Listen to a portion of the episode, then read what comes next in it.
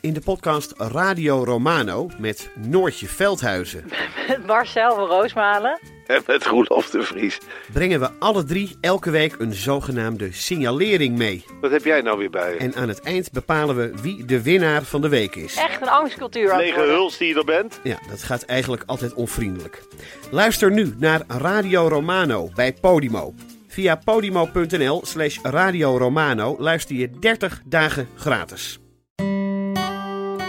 Hé, maar dit is een herkenningsmelodietje van een hele andere podcast, toch, Chris? Ja, dit is eh, de herkenningsmelodie van... Man met de microfoon. Precies, een podcast, Chris, zeg het maar. Ja, vol echte en bijna echte verhalen. En wat is er nu bijvoorbeeld de laatste tijd in Man met de microfoon te horen? Eh, nou, verhalen rondom het bijzondere project Een Grote Bruine Envelop en mini-romcoms. Dus luister naar Man met de microfoon.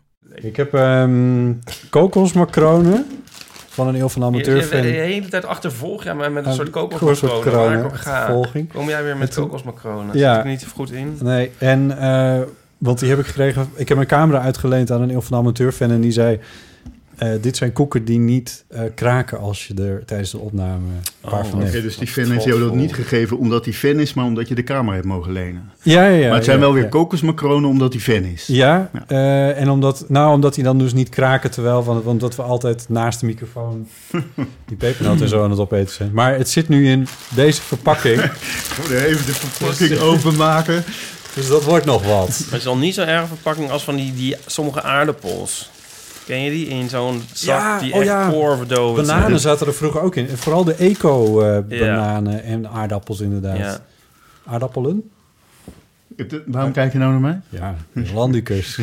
Je hebt spreker. ik ben een spreker, ja. Aardappelen, aardappels, aardappelen. Ik kan het volgens mij allebei zeggen. volgens mij ook. Nee, dit Ja, ik weet Ik vind het sowieso altijd een, een moeilijk woord, want het is natuurlijk een soort aardappels, maar dan zeg je dan niet, dan zeg je aardappels, maar dan denk je, waarom zeg ik aardappels? Ja, het is Dat een beetje als op. Je bedoelt hetzelfde als het, de afkorting van... eh, of hoe zeg je dat? Het, het opdelen in lettergrepen van eh, helikopter. Dat, dat moet bij, bij aardappels... Ja, aardappels. Waarom zeggen mensen aardappel? Ik vind dat altijd gênant. Ik zeg Ik- het liever niet. Ik heb ooit een keer een collega heel boos gemaakt hiermee. Dat was eh, denk ik tien jaar geleden, dertien jaar geleden. Toen, er verschijnt, iedere tien jaar verschijnt er een nieuw groen boekje. Ja, En eh, tien jaar geleden, dus dertien jaar geleden, in 2005 was dat denk ik. Toen ehm, ja. verscheen er ook een nieuw groen boekje. Daar was toen heel veel discussie Ja. over en ook heel veel kritiek op. En ja, dat, dat wordt gemaakt door een spellingcommissie. En die spellingcommissie zitten dan allemaal taalkundigen. Maar eigenlijk heb je maar heel weinig deskundigheid nodig om zoiets te doen. Hè? Het is eigenlijk natuurlijk gewoon een kwestie van Een het is eigenlijk willekeurig kiezen. Hè? Dus het is dit of dat. Ja. En dus die mensen vonden dat eigenlijk heel vervelend en heel Leggen irritant. ze dan niet een soort maatstaf aan of een soort criteria? Ik bedoel, het is toch niet totaal willekeurig? Nou ja, een, een, heel, een groot deel van het werk is gewoon kiezen hoe je bepaalde woorden spelt. Maar dan kun je toch een soort logica in bre- aanbrengen? Ja, nou, dus je hebt twee dingen. Er zijn dingen met regels, dus eh, samenstellingen. Hè? Twee woorden die je aan elkaar Ja. schrijft, eh, schrijf je dan een tussen-en of Ja, geen ja. tussen-en. Ja, dus dan kun je, daar kun je dan regels voor maken. Maar willekeurige eh, leenwoorden of zo, waar meer dan één keuze voor is... Ja, daar moet je, daar moet je gewoon een keuze maken. Ja. Doe er eens een. Maar- I- iemand moet Ja. het Dat is besluiten. een goed, goede vraag. Ja, iemand moet besluiten. Maar het is toch het is een heleboel handopsteekwerk. Ja, ik kan eigenlijk zo gauw geen voorbeeld bedenken, moet ik toegeven. Vervoegen Ja, van is updaten of zo? Ja, dat is ook wel weer een regel natuurlijk. Want dan is het eh ja. geüpdated, eh, Ja. omdat het eindigt op een E Ja. ja, enzovoort. Ja, Dat Nee, is ook het, vreselijk, hè? Trouwens, maar goed. Ja. ik, dat, Schrijf ik, dat vind, gewoon niet. ik vind dit... Nee, ik ook niet. Nee, ik, dat, wij, dat weiger ik echt te doen, ja. Dat Ja. is ge, dus geüpdated, te schrijven met een T, hè? Ja, ja. T-E-T. Ja, dat is is volkomen bizar. eh, Zoiets volkomen bizars. Nou ja, hoe dan ook. In ieder geval, dus toen in 2005, er was er dus discussie over. De, en toen eh Ewout Sanders, die nog steeds in de NRC schrijft over taal, die... eh, En over zijn mobiele telefoon. Ja, maar dat deed hij in 2005 denk ik Nee? nog niet. Die, maar die schreef toen over eh, het feit dat er in het groene boekje stond... Dit is een beetje een neurderig verhaal hoor. Maar die, in het groene boekje stond Frankrijk afgebroken... want ook dat wordt in het groene Oh. boekje aangegeven... Als Fran streepje Krijk. Krijk. En eh, ja, nou ja, dus dat was, Nice. hè, dat was ook een beetje de strekking van die column.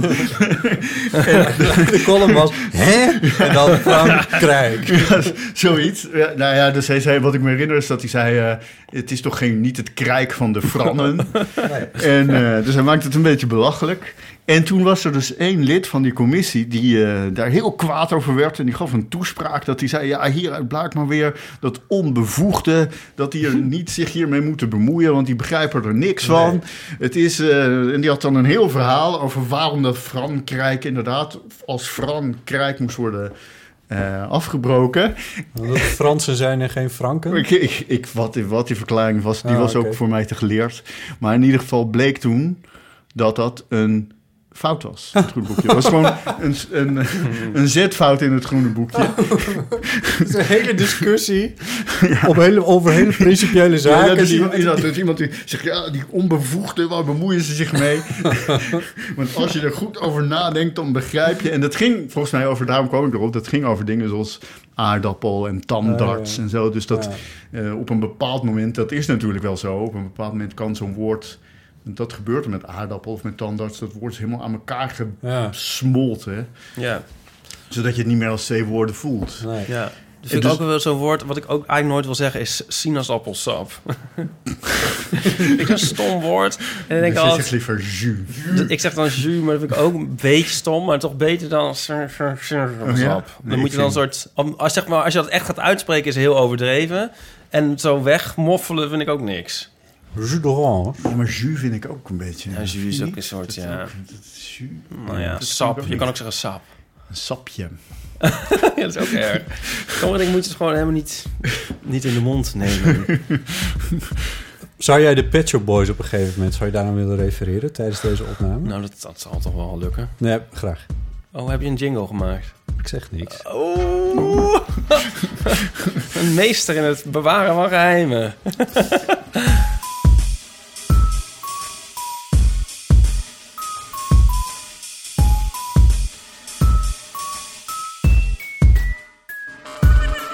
Welkom bij de Eeuw van de Amateur nummer 73. Deze keer met natuurlijk Ipe Driessen Hardo. en met Mark van Oostendorp. Ja, ja. We hoorden Tja, tja. Ja, professor, professor, professor. Tenminste, zo werd je aangekondigd bij de boekpresentatie van ene mevrouw Cornelissen. Ja, ja, ja ik, weet, ik weet eigenlijk niet of, ik, of je daar recht op hebt. Want volgens mij...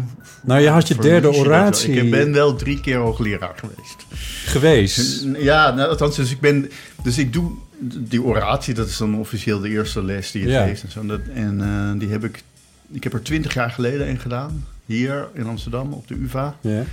En tien jaar geleden weer een in Leiden. En nu dan een in Nijmegen. ja, En ik ben nu 50, dus ik heb er nog twee te gaan. nog twee te gaan, dus dat Ja. is mooi. En heb, en heb je dan ook voor steeds hetzelfde voor Nederlandistiek of voor taalwetenschappen? Of, eh, of is het nog steeds ook voor verschillende... Het is, dus, dus mijn hele leven bestaat uit taal. Dus het Ja. gaat altijd wel. Het heeft altijd, gaat altijd over taal, maar het is wel, het is wel steeds iets anders geweest. Ehm, dus twintig jaar geleden was misschien het meest eh, bizarre of vreemde of eh, Hoogleraar fonologische microvariatie. Nee, dat is tien jaar geleden. Oh. Dat, dat is, dat, dus die titel die is het meest. Die, die titel daar hebben ze me echt mee gekweld. Want dat betekende dus dat ik altijd overal moest uitleggen. wat betekent dat nou Ja, eigenlijk? Hè, eh, ga dus ik niet dat- vragen. Nee, dat ga ik ook gewoon niet uitleggen. Mooi. dat googlen. Ja. Sorry, 20 jaar geleden. Twintig jaar geleden was het Esperanto. Ja, Ah, ja. ja, Ja. want je bent Esperantist. Ja, da, ja dat ben ik. eh, ja, dat ben ik. En betekent dat dat je die taal... eh, want eh, dat is, misschien, dat is misschien helemaal niet algemeen bekend... maar dat is een taal die verzonnen is om een soort wereldtaal te worden ooit. Ja, ja. Tenminste, dit is wat ik ervan heb eh, overgehouden. Mijn kennis van de middelbare school, als ik me niet vergis... dan werd het ook echt, was het zo bedoeld als een soort Latijn... maar dan niet voor... Ja, zoals, Latijn is überhaupt geen gesproken taal, geloof ik... maar dit moest dan een gesproken taal worden... die alle talen zou kunnen overstijgen. Ja. Zoals dat uiteindelijk het Engels misschien een beetje is geworden. Ja, nou, het, het komt uit de 19e eeuw. Eh, De 19e eeuw was een tijd dat je sowieso... eh, dat mensen dachten, we kunnen alle problemen gaan oplossen. En eh, het andere was dat het... Denk ik, een beetje de eerste tijd was dat mensen over grotere afstand opeens met elkaar konden communiceren. Dus je kreeg een beetje de eerste media, zo gezegd. Dus je kreeg Ja, telegrafie telefoon. en zo. Ja, maar ja. vooral ook de, de- zoiets als de trein, waardoor je, heel veel, waardoor je makkelijker kon reizen. Dus Ja. mensen werden daar meer mee geconfronteerd. Maar ik denk, De wereld werd groter. de wereld werd groter. En ik denk dus dat dat... De Of kleiner, maar goed. Voor Ja. individuen werd hij groter. Ja. Ja, Heb ik een keer een lezing van jou ge- bijgewoond? Denk nou, niet dat je dan dat nou ondertussen weten? opstond en, en eh, lawaai begon te maken. Of gaf je daar ook lezingen over? Ja, Dat zal haast Ja, wel. ja. In Utrecht een lunchlezing en dat je het, het Ah. woord ziekenhuis ging eh ja een soort nee, dat ontleden. zal ik wel zijn geweest, ja. Oh, leuk. Ja, inderdaad. In de, dus in de Uithof was het Ja. dan. Ja, ja en voor, de, van de, voor het Studium Generale. Ja. Ja. Wat grappig. Daar heb jij voor geprogrammeerd. Voor, Ja, maar dit voor was mijn collega toen. Oh. Ja. En eh, ja, het ziekenhuis, want dat vond ik heel leuk. Maar Ja. ik weet niet meer precies hoe het, hoe het werkte. Of zieke auto, ik weet niet meer. Ziekenhuis, ziekenhuis. Of ambulance, Doe- ja. Ik doe dat nog steeds wel ja, eens. ja, doe eens. Voor de luisteraars. Nou ja, oké. Het is dus bedacht door iemand die heette Zamenhof. En ehm, eh, hij, wilde, hij wilde inderdaad, ja, wat hij precies wilde, dat is, een, dat is nog een heel verhaal. Eh, hij, was, hij was Joods, hij leefde in Polen. Eh, dat betekende dat hij. Eh, hij was arts, maar hij mocht alleen maar Joodse patiënten eh, helpen. En ik denk eigenlijk dat zijn oorspronkelijke bedoeling was om een taal te maken voor de Joden. Dus dat hij dacht, in de 19e eeuw dachten veel mensen dat, eh, een echt volk heeft een eigen taal. Ja. En wij Joden hebben geen eigen taal, dacht hij. Ja, dus je hij heeft een grammatica geschreven van het Jiddisch, maar hij dacht uiteindelijk, ja, dat gaan mensen nooit serieus nemen, want dat gaan ze altijd zien als een soort verbasterd Duits. Ja. Hebreeuws, ja, dat, dat, dat geloof, daar geloofde hij niet in. Dus hij geloofde niet dat dat ooit weer tot leven zou kunnen Oh. komen, wat dus wel is gebeurd. Ehm, maar ik denk dat dit zijn oorspronkelijke eh, idee was. Maar dat het op een bepaald moment inderdaad het idee is geworden... dan kan het ook een taal worden voor iedereen. Dan kan het ook een taal worden, een tweede taal voor iedereen. Dus een taal waar we met elkaar allemaal kunnen eh, communiceren. En dan ieder... Dus hij, ga- hij gaf van de toespraken, dat zijn echt heel... heel eh, hoogdravende toespraken. Dus dan, dan spreken wij niet langer als Rus tot Pool of Engelsman tot Fransman, maar als mens tot mens. Weet je wel? Ja. En eh, Ideologisch gedreven. ideologisch en eh, heel veel van zijn eh, medestrijders in die tijd vonden hem zelf ook eigenlijk een beetje zweverig. Hmm. Dus, eh, eh, en, en dat was het misschien ook wel een beetje. Het had, het had iets ideologisch, maar het had zelfs ook bijna iets religieus. Wat Esperanto betekent. Degene die hoopt. Het was eigenlijk Degene, zijn, zijn ja. eigen pseudoniem. Dus hij noemde, hij noemde die taal eigenlijk internationalingo, dus internationale taal. Eh, maar hij heeft een boekje geschreven en hij gebruikt een pseudoniem. En dat boekje dat noemde hij zichzelf Doctoro Esperanto. Oh. Eh, dus dokter Esperanto. En, eh, dus eh, zijn idee was, die taal moet dan zo simpel mogelijk zijn. En als je dan gaat nadenken, ja, hoe maak je dan een taal simpel? Dan kun je twee dingen bedenken. Dan denk je, ja, we maken de grammatica eenvoudig. Dus we gooien alle uitzonderingen eruit. Zuid-Afrikaans. Ja, nou ja, dat zou je kunnen zeggen. Dus eh, het, is, het is niet ik ben, jij bent, hij is. Dat zijn allemaal verschillende Ja. vormen. Maar mi estas, wie estas, li estas. Ja, allemaal hetzelfde. Ja. En het andere is dat je dan zo min mogelijk woorden moet leren. Dat, dat, dat is dan dat ziekenhuis. Dus het idee is dat eh, het woord voor gezond is sana. En het woord voor ziek is malsana. Dus dat is al, dat is al stap één. Hè? Dus je, van een heleboel woorden tegenovergestelde maak je door mal ervoor Ja. te zetten. Dus juna is jong en oud is maljuna. Eh eh, eh, mooi is bella en lelijk is malbella. Goed is bona, malbona is slecht enzovoort. Ja. Dat is stap 1. Stap 2 is iemand die iets is, bijvoorbeeld iemand die jong is, dan heb je een achtervoegsel ul. Zeg je junulo. Dus dat is iemand die jong is. Jong is. Oké. Ja, iemand ken die taal nu al bijna. Ja, je spreekt al precies. Is Een woordje. verbazingwekkend. Eh, iemand die mooi is, is een bellulo enzovoort. Iemand die goed is, is een bonulo. Ehm, iemand die ziek is, is dus een malsanulo. En dan de, het laatste wat we nu nog nodig hebben is een plaats.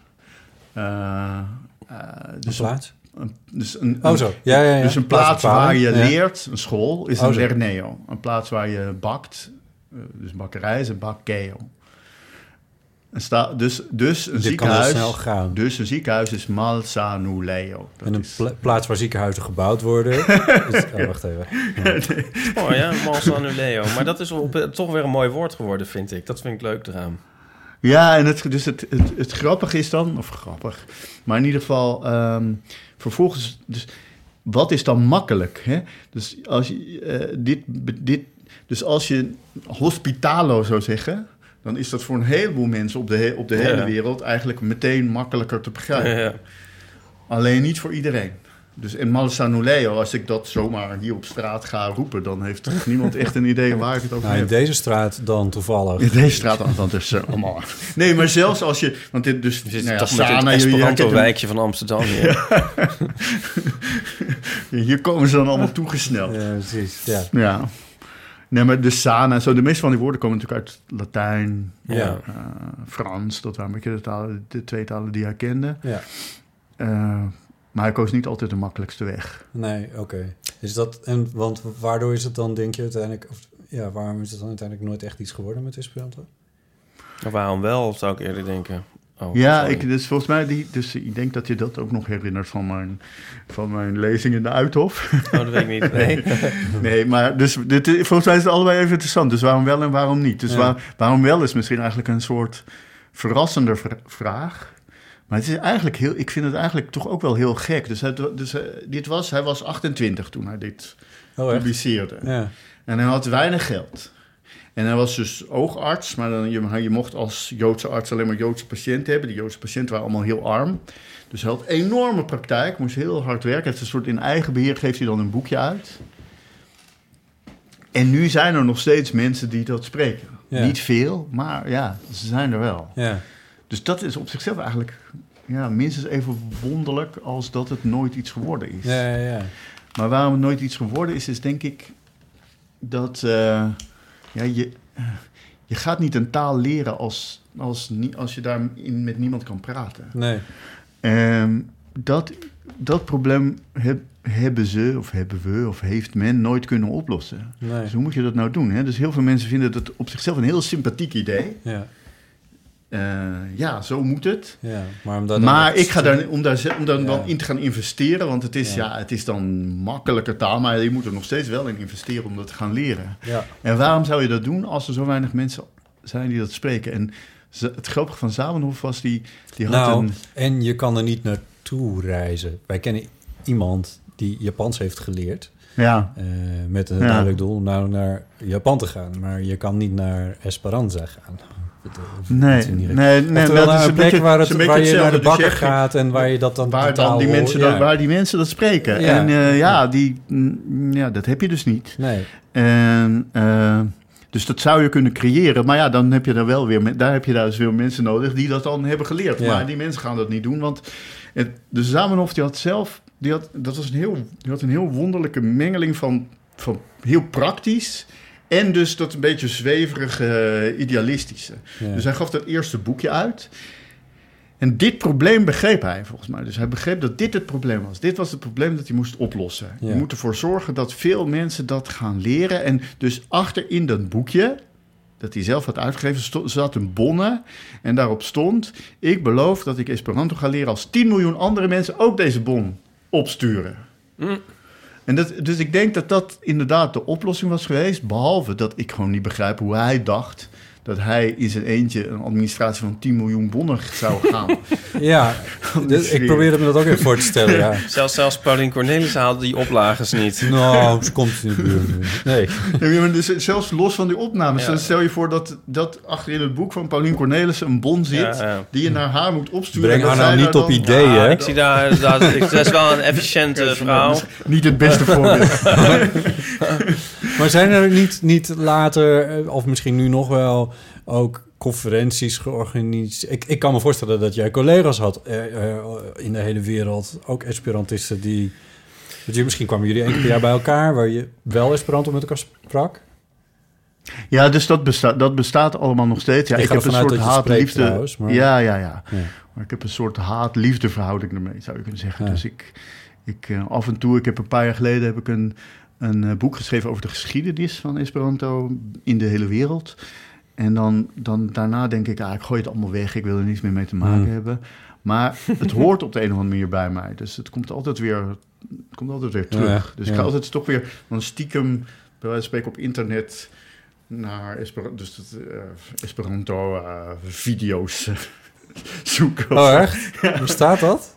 Ja, tuurlijk bestaat anders, dat. ja. Ja, maar dat, dat zijn niet heel veel mensen.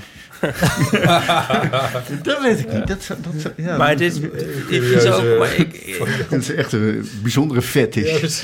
ik weet niet of het... ehm, is dat ook niet een... Mensen zijn ook altijd wel bezig, toch? Nou, misschien niet iedereen, maar mensen ontwikkelen ook wel eigen taaltjes en dingen en Ja. dialecten en zo. En in die Nee, zin... Bijna niemand doet dat.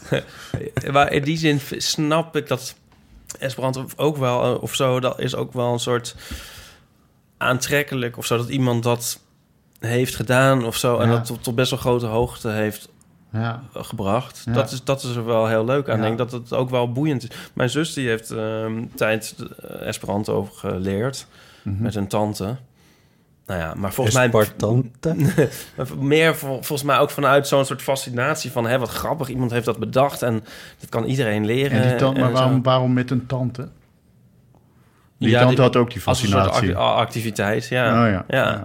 En eh, wij vonden dat ook wel interessant, maar wij waren dan nog weer jonger en zo. En wij maar eh, ik, heb, ik heb ook ooit als kind gingen we, dachten we van... Oh, we gaan ook een taal maken. Dat was misschien al onder invloed hiervan. Ja, met je zus. Nou, met een vriendje dan weer. Oh, ja. En Maar dan gingen we zo in een woordenboek... en dan begonnen we echt zo bij de A. Weet ik veel, wat is het eerste woord in het woordenboek? Ja. Ja. Heel veel kinderen. En ik denk vooral jongetjes, maar heel veel kinderen doen dat. Ja. Ja, ja dus op een bepaalde leeftijd, zo'n beetje 12 of zo, zoiets. Iets jonger Ja. of iets ouder. Eh, heel veel kinderen doen dat. En eh, ik denk dat Esperanto ook trouwens begonnen is toen hij ongeveer 12 was. Mm, maar je hebt, die, er is hier in Amsterdam, er is in, in, in Nederland, dat is volgens mij, ik vind dat een, een soort eh, ondergewaardeerde kunstenaar.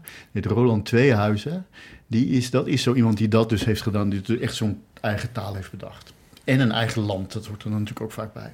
Oh ja. Spokanië. Oh ja. Dat, ook, dat, ook dat moet je een keer opzoeken. Dat is, echt, dat, ik, dat is echt fascinerend. Dus die heeft, kijk, die heeft, Esperanto moest dus zo makkelijk mogelijk zijn.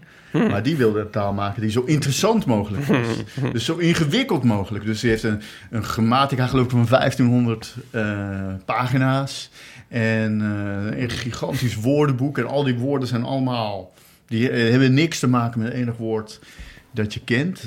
En Weet je waar ik en, en hij heeft het, dus hij, die man moet nu 70 zijn of zoiets. En ja, hij is ook als kind begonnen, dus die is er al 60 jaar mee bezig. Met dat land en die taal steeds verder. Ik word daar helemaal een beetje, ook wel een beetje Maar- be- toch beklemd, vind ik dat. ja, of zo. ja, nou hij is, kijk, hij, hij kan er heel grappig over vertellen. Dus hij, Oh ja. hij, hij heeft een tijd gehad dat hij heeft, eh, ik, ik denk een jaar, eerst een jaar of 30 of geleden en toen ook een jaar of 20 geleden, toen heeft hij steeds voor officiële eh, uitgevers van, eh, van eh, reisgidsen, heeft hij dus reisgidsen gemaakt over Spokanië, zo heet dat land. Oh ja. En die, dus dat, dat zijn, die, dat- dus, en wat hij probeert te doen is het allemaal zo reëel mogelijk te maken. Dus dat, dat betekent, er zitten allemaal dingen in die niet helemaal precies kloppen. Of waar je het niet helemaal, weet je wat, er staat erin, er is in dit dorp, daar ligt in dit dorp, daar is een, een toren. En die toren die staat niet rechtop, maar die ligt op zijn kant. En niemand weet waarom. Dus je hebt deze theorie en je hebt die theorie. Maar ik geloof daar eigenlijk allemaal niet in. En dan, dat is het dan. Ja, dat is- wel? dus, dus niet, eh, dit is de juiste oplossing, ik weet het. Maar eh, eh, zo zit dat land in elkaar. En eh, toen, dus dit, dus toen, en hij wil die taal dus ook echt spreken, maar dat lukt hem niet, want hij kan het nooit oefenen. Er is niemand met wie hij dat kan eh, eh, oefenen. Dus Maar dan, we, we hebben, want het, we hebben in Nederland nog een, nog een bedachte taal in mijn ogen die al een paar jaar bestaat. Ik weet er niet heel veel van, maar wat, dat wat de jeugd van tegenwoordig namelijk ja. gebruikt. Ik, ik spreek Doe je nou niet. de band of... Ja, de band. Oh. Nee, niet, ja, precies. Nee, heel goed. Eh, ja, de band, de jeugd tegenwoordig. Eh, dat is niet echt een taal, toch? nou, Nee. wat betekent props voor de heist rocker? Wat a busy, busy bird. Ik bedoel, dat, is, dat was de tekst van dat nummer. Daar ja, maar er zit dan in een ander nummer zit er, er zit niks wat daar dan weer iets mee te maken heeft. Nee, ja. Snap je wat ik bedoel? Het is gewoon, dit is puur een soort creativiteit of zo. Ja. Dus het gaat alle kanten op. Dus dit- er zit, je kan dat niet leren. Je kan het niet leren, denk ik. En je kan, Ik weet het niet. Ik ken, ik, ik je kan het niet zo leren dat je daar dan een gesprek in mee kan voeren. Ja, ja, precies. En dat is wel het idee wat, wat eh, Roland Tweehuizen daarbij Heeft. heeft. Maar hij heeft toen, dus een van zijn verhalen is dat hij, eh, hij gaf daar dus allemaal lezingen over, over dat Spokanië. En op een bepaald moment kwam er, na zo'n lezing kwam er iemand naar hem toe. Eh, en die zei, heeft Spokanië wel een luchtvaartverdrag met Nederland? We dachten, hè, wat is wat Goeie is dat? vraag. Ja, ja goede vraag, maar oké, het is wel een van de miljoenen vragen die je zou Ja. kunnen stellen. Dus Ja. nou ja, dat weet ik niet precies.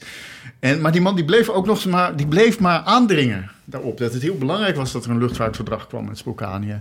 En toen bleek dat die man een ambtenaar was bij, eh, op het ministerie van Verkeer en Waterstaat. En het ministerie van Verkeer en Waterstaat die wilde gaan oefenen met... eh, het, eh, die, er waren allemaal Afrikaanse landen of zoiets. En daar moesten ze opnieuw die luchtvaartverdragen mee gaan eh, Mhm. eh, afsluiten. En daar wilden ze mee oefenen. Dus ze, gingen hem, ze gebruikten hem voor een soort Oh. rollenspel. Oh, Maar, dus ze hebben hem gebruikt voor een soort rollenspel. En uiteindelijk heeft toen de toenmalige minister dus een verdrag ondertekend met Spokanië. En nu heeft Nederland dus een luchtvaartverdrag met Spokanië. Wauw. Wat een gekkigheid. En nu, en, nu, en nu is dus de vraag of Nederland eigenlijk wel een luchtvaartverdrag kan tekenen met een land waarvan het het bestaan niet Is erkent. aangedood. ja, oh ja, want, want dat is natuurlijk ook nog... Je, je moet een natie erkennen voor... Ja, nee. Ja, goede vraag. Maar ik geloof dat hij heeft dus nu het recht om, of hij of Spokane heeft het recht om dan één keer in het jaar naar Schiphol te gaan en te kijken of ze daar wel voldoende antiterroristische maatregelen en zo eh, nemen. Maar daar wil hij dan geen gebruik van maken, omdat ja, dan, he- dan heeft Nederland ook het recht om naar Spokane te gaan, om daar. eh, dat is wat, eh, wat moeilijker. Mooi. Ik... Dit was 20 jaar geleden. Dit was, ja, precies. dit, wat je nu zegt. Samenkomen. Goed. Nu gaan we naar... Nee, dat gaan we lekker niet doen. We sp- Nee, een nee, springen nee, naar vorige maand. Ja, Toen heb jij een artikel geschreven eh, op de website eh neerlandistiek.nl. Ah. Zeg ik het nou goed? Eh, ja, online tijdschrift voor taal- en letterkundig onderzoek. En dat artikel dat heette Even denken, Ah, I don't know. oh ja. Ja, En dat ging over ons. maar ja. Eh, Ik, probeer, ik doe alles om jullie aandacht te trekken. ja, dus dat is je gelukt. Ehm, maar je, je, je trok het ook even breder. In de inleiding zei je van... ehm, eh, dat de doorbraak van de podcast heel gunstig is voor de taalwetenschappen. Ja. Want er is weer een heel nieuwe gegevensbron. Nou, waarom zou dat dan zo belangrijk zijn? Omdat je nu met, ehm, ehm, met die podcast relatief spontane tekst... Ja. Kijk, wij lezen alles voor wat hier gebeurt. Het Ja, zit voor ja dat script. verbaast me nu ook wel Ja. een beetje, ja, om dat Maar- zo te zien. Elke met je autocues helemaal gasten daarvan in op. de weer zijn. Even kijken, want je Klinkt beschrijft het heel mooi. spontaan. Ik heb het even, even. In dat verspreiden... Of sorry, zit ik nou het goede voor te lezen? Ehm, nee, ik lees niet het goede voor. Maar waar het, waar het je om, om ging van... Je moet dan een... eh, eh, want het, het lukt je bijna Nee, nooit dus- om bij, ja, bij dus- spontane gesprekken te zijn. Juist. Want daar zijn een paar voorwaarden aan verbonden. Je bent toch zo'n sociale man. Ja, Mensen Oké, meteen in een onderzoekssituatie. Lukt je natuurlijk wel een beetje soort- in een onderzoekssituatie als taalwetenschapper bij een spontaan gesprek te zijn. Ja. Want dat, dat die- krijg maar eens mensen bij elkaar. Ja. En op de radio wordt er ook relatief formeel gesproken. Eh, dus dus En als sterker nog, eigenlijk, zodra er, een kamer, zodra er een microfoon in de buurt staat, beginnen mensen anders Ja. te praten natuurlijk. Ja, En eigenlijk, het, in ieder geval voor een heleboel vragen, is het het interessantste. Hoe, men, hoe praten nou mensen nou echt in hun dagelijks leven? ja. Ja, Alleen, ja, je, dan, dan zet je ze microfoon voor de neus en dan beginnen ze al anders te praten. Dus dan, ja, hoe doe je dat dan? ja. En dus de enige oplossing is dan... Dus vroeger was de oplossing... eh, eh, dan om de mensen eh, fl- flink veel jenever te voeren, zou ik maar zeggen. Hè? Dus dat, zodat ze Echt? er minder op gingen letten. Nee, dat is een beetje het, maar dat is wel het verhaal wat Dus er af te eh, leiden in werd ieder verteld. geval. Oh. Ja, af te leiden, ja. ja. Maar Dat kan je niet echt- gewoon bij mensen in de kroeg, zeg zeg maar van, is het erg als wij vanavond hier een microfoon neerleggen? Nee, maar dan heb je al een bewustzijn van Maar- dat er een microfoon staat. Ja, maar als de, als de wetenschapper ook er niet bij gaat zitten en gewoon eh, ja, nee, precies die trucs werden dan vroeger aangeraden. Ja. Om dan te zeggen, ja, ik ga even naar het toilet. En dan ging het eigenlijk om wat de mensen da- op dat moment dan Ja, tegen elkaar precies. gingen zeggen. Ja. we stoppen nu even, maar gaan jullie vooral even praten even verder. Ja, ja, ja, ik moet even weg. Ja. Ja, ja. Ja, En, en, dus, ja, en uh, ja, je dan- hoeft ook nog dan- niet eens te zeggen, praat even verder, want dat doen de mensen dan. Dan heb je misschien tien minuten. Maar dat is Precies. dan. Ja. En eh, dus, dan, de- dus dan is het fijn dat de microfoons en zo, dat die allemaal veel meer overal zijn. En dat Ja. mensen eh, nou ja, van dit soort eindeloze gesprekken met elkaar gaan opnemen. ja, want wat zei je daar nou over? Van, dan, dan kun je dan... nog een soort structuur in zitten. Eh, ja, want daar kun je dan uit, uit afleiden of er ergens misschien ergens een klein woordje ontstaat, of onze taal binnensluipt, of een verandering in een woordje Ja. in onze taal binnensluipt. ja. Eh, en hoe kun je dat nou constateren als je niet spontane gesprekken kunt registreren? Zie daar, daar zijn de podcasts waar relatief spontaan en vrij wordt gesproken. Ja. En zo had je bij ons één ja, zinsdeeltje eigenlijk eh, geconstateerd. En de grap was Een, tegelijkertijd... een nieuw deeltje gevonden. een nieuw deeltje gevonden. Omdat wij af en toe roepen... I don't know, als we in een verhaal zitten. En dat is grappig, want dat herken ik. Dat heb, ik monteer dit natuurlijk uit een treuren. Dit is, je denkt dat het allemaal spontaan is, maar het is en gescript en gemonteerd. maar, Klinkt allemaal ook nog eens een keer heel anders dan nu. Ja, precies. en dan, ehm, eh, maar daarmee kan je dan ehm, de, de, de verspreiding van zo'n woordje kan je dan zien. En je had het zelfs helemaal terug weten te redeneren tot onze aflevering, wat was het, 35? Ja, je schrijft hier, ik denk rond de aflevering 35, eh, sluipt dat zinnetje, I don't know, het taalgebruik van Jellema binnen. En op een later moment, een paar afleveringen geleden, begint ook Driese het te zeggen. Ze gebruiken het op dezelfde manier, niet als antwoord op een vraag: waar heb je gezeten? I don't know. Maar als ze aan het praten zijn en zich even niet kunnen herinneren wat het volgende zal zijn dat ze zeggen: Ik zat gisteren nog, I don't know, een maanzaadbolletje te eten. En Ja. dat, is de, dat, Ja. is, dat is hoe dat er bij Ja, ons. nou, en kijk, dus dit, dit ene zinnetje... Oké, dat is gewoon Het een irriteert me dat zinnetje. jij ermee begint in dit artikel. Nou, ik vind het leuk, want ik zal nog even verder kijken. wat, heb- wat staat er nog meer Nou, er over? staat bijvoorbeeld ook van. eh, Het staat er over mij in. ja, ja het, het- Ik heb het bedacht. Het- het- toch dat, er, dat, dat je taalcreëerders hebt en je hebt volgers. Ja. En dat, dat ik dus... Nee, dit zit ik echt te verzinnen, dat dit er staat.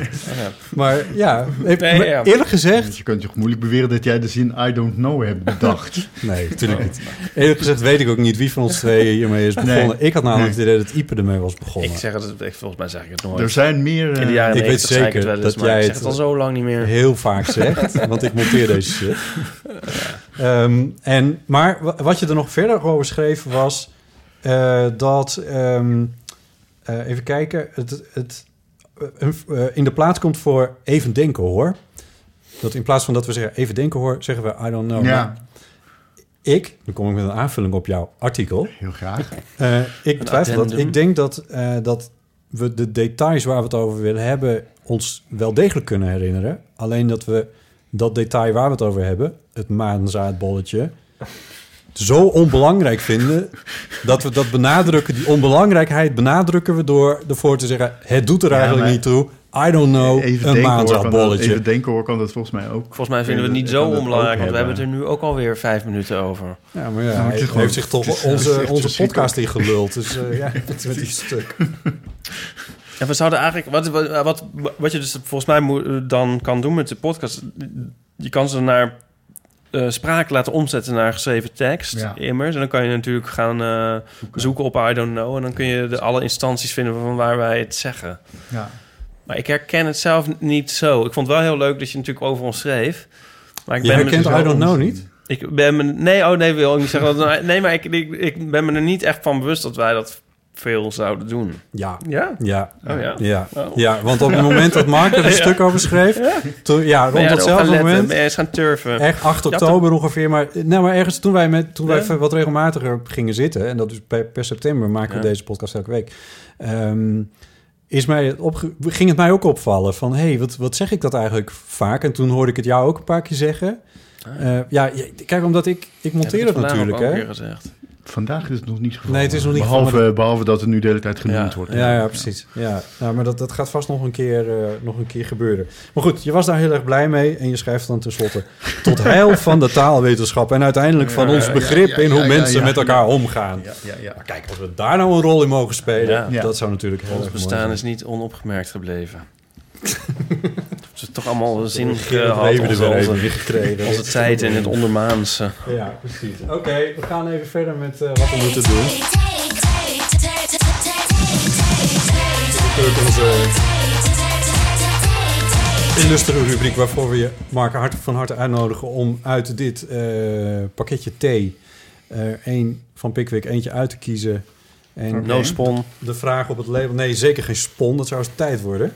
Maar eh, om er eentje uit te kiezen en het label daarvan voor te lezen. En te kijken of Ik heb er één het- uitgekozen. Het- Nu wreekt zich wel mijn ijdelheid dat ik mijn leesbril niet heb opgedaan. Oh, nou ja, ik kan je eventueel... Dat, dat hebben we vaker meegemaakt. Dan kan ik je eventueel bij helpen als dat... Nee, ik kan het echt niet lezen. eh, T-Pex kon het niet lezen omdat hij zijn contactlenzen wel in had. Zoiets was het toch? Dat vind ik nog steeds gek. En die hebben we al Oh, hier staat, wat is jouw favoriete plek in huis? Dat was de vorige keer, letterlijk de vorige Ja. keer ook de vraag gerealiseerd. Ja, oké. Zullen we deze rubriek maar opheffen? Nee, we Iedere een keer, wat is je hertrekking. favoriete Een plek? Oh, hertrekking. een hertrekking. Ja. En dan, eh, dus je, je gaan echt eh, balen thee doorheen. Nou ja, op deze manier. Oké, nou dan mag je deze En ook die- in mijn oor fluisteren. Deze is langer, dat is het enige wat ik kan zien. Wat is jouw favoriete plek in... Nee. Wat is jouw favoriete televisieprogramma toen je klein was? Wat was jouw favoriete was, ja. televisieprogramma toen je klein was? Ja. Wat wat was je favoriete televisieprogramma? Night Rider. ja. Nee, nee, nee, nee, nee. voor mij wel. Ja. Nee, Night Rider kan ik me helemaal niet... Dat is, dit- er zijn toch, denk ik... We hebben Misschien natuurlijk verschillen. verschillen Ja, een beetje in leeftijd. Ja.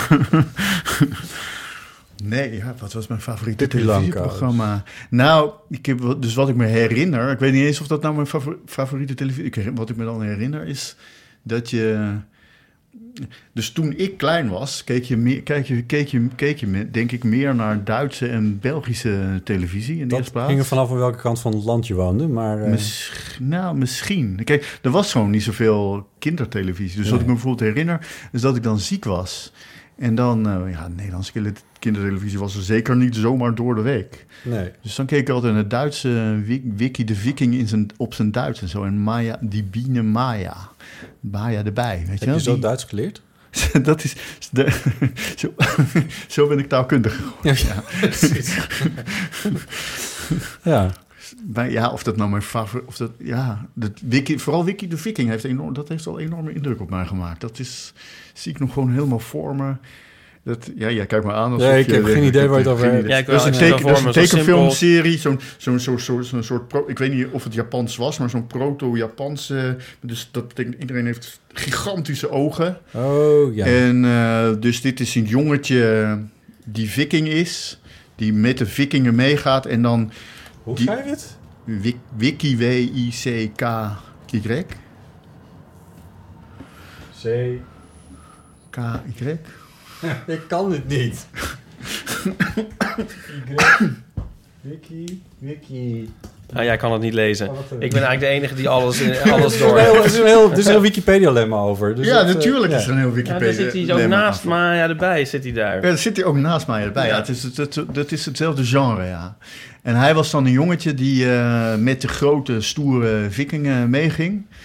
En, eh, maar dan raakte die grote, stoere vikingen... Ik denk dat hij het zoontje was van een daarvan, maar dat herinner ik me niet meer. Die raakte dan in de problemen in iedere aflevering. En dan eh, ging hij nadenken over een oplossing. En als hij nadacht, dan wreef hij langs zijn neus. Links langs zijn neus, rechts langs zijn neus, onder zijn neus.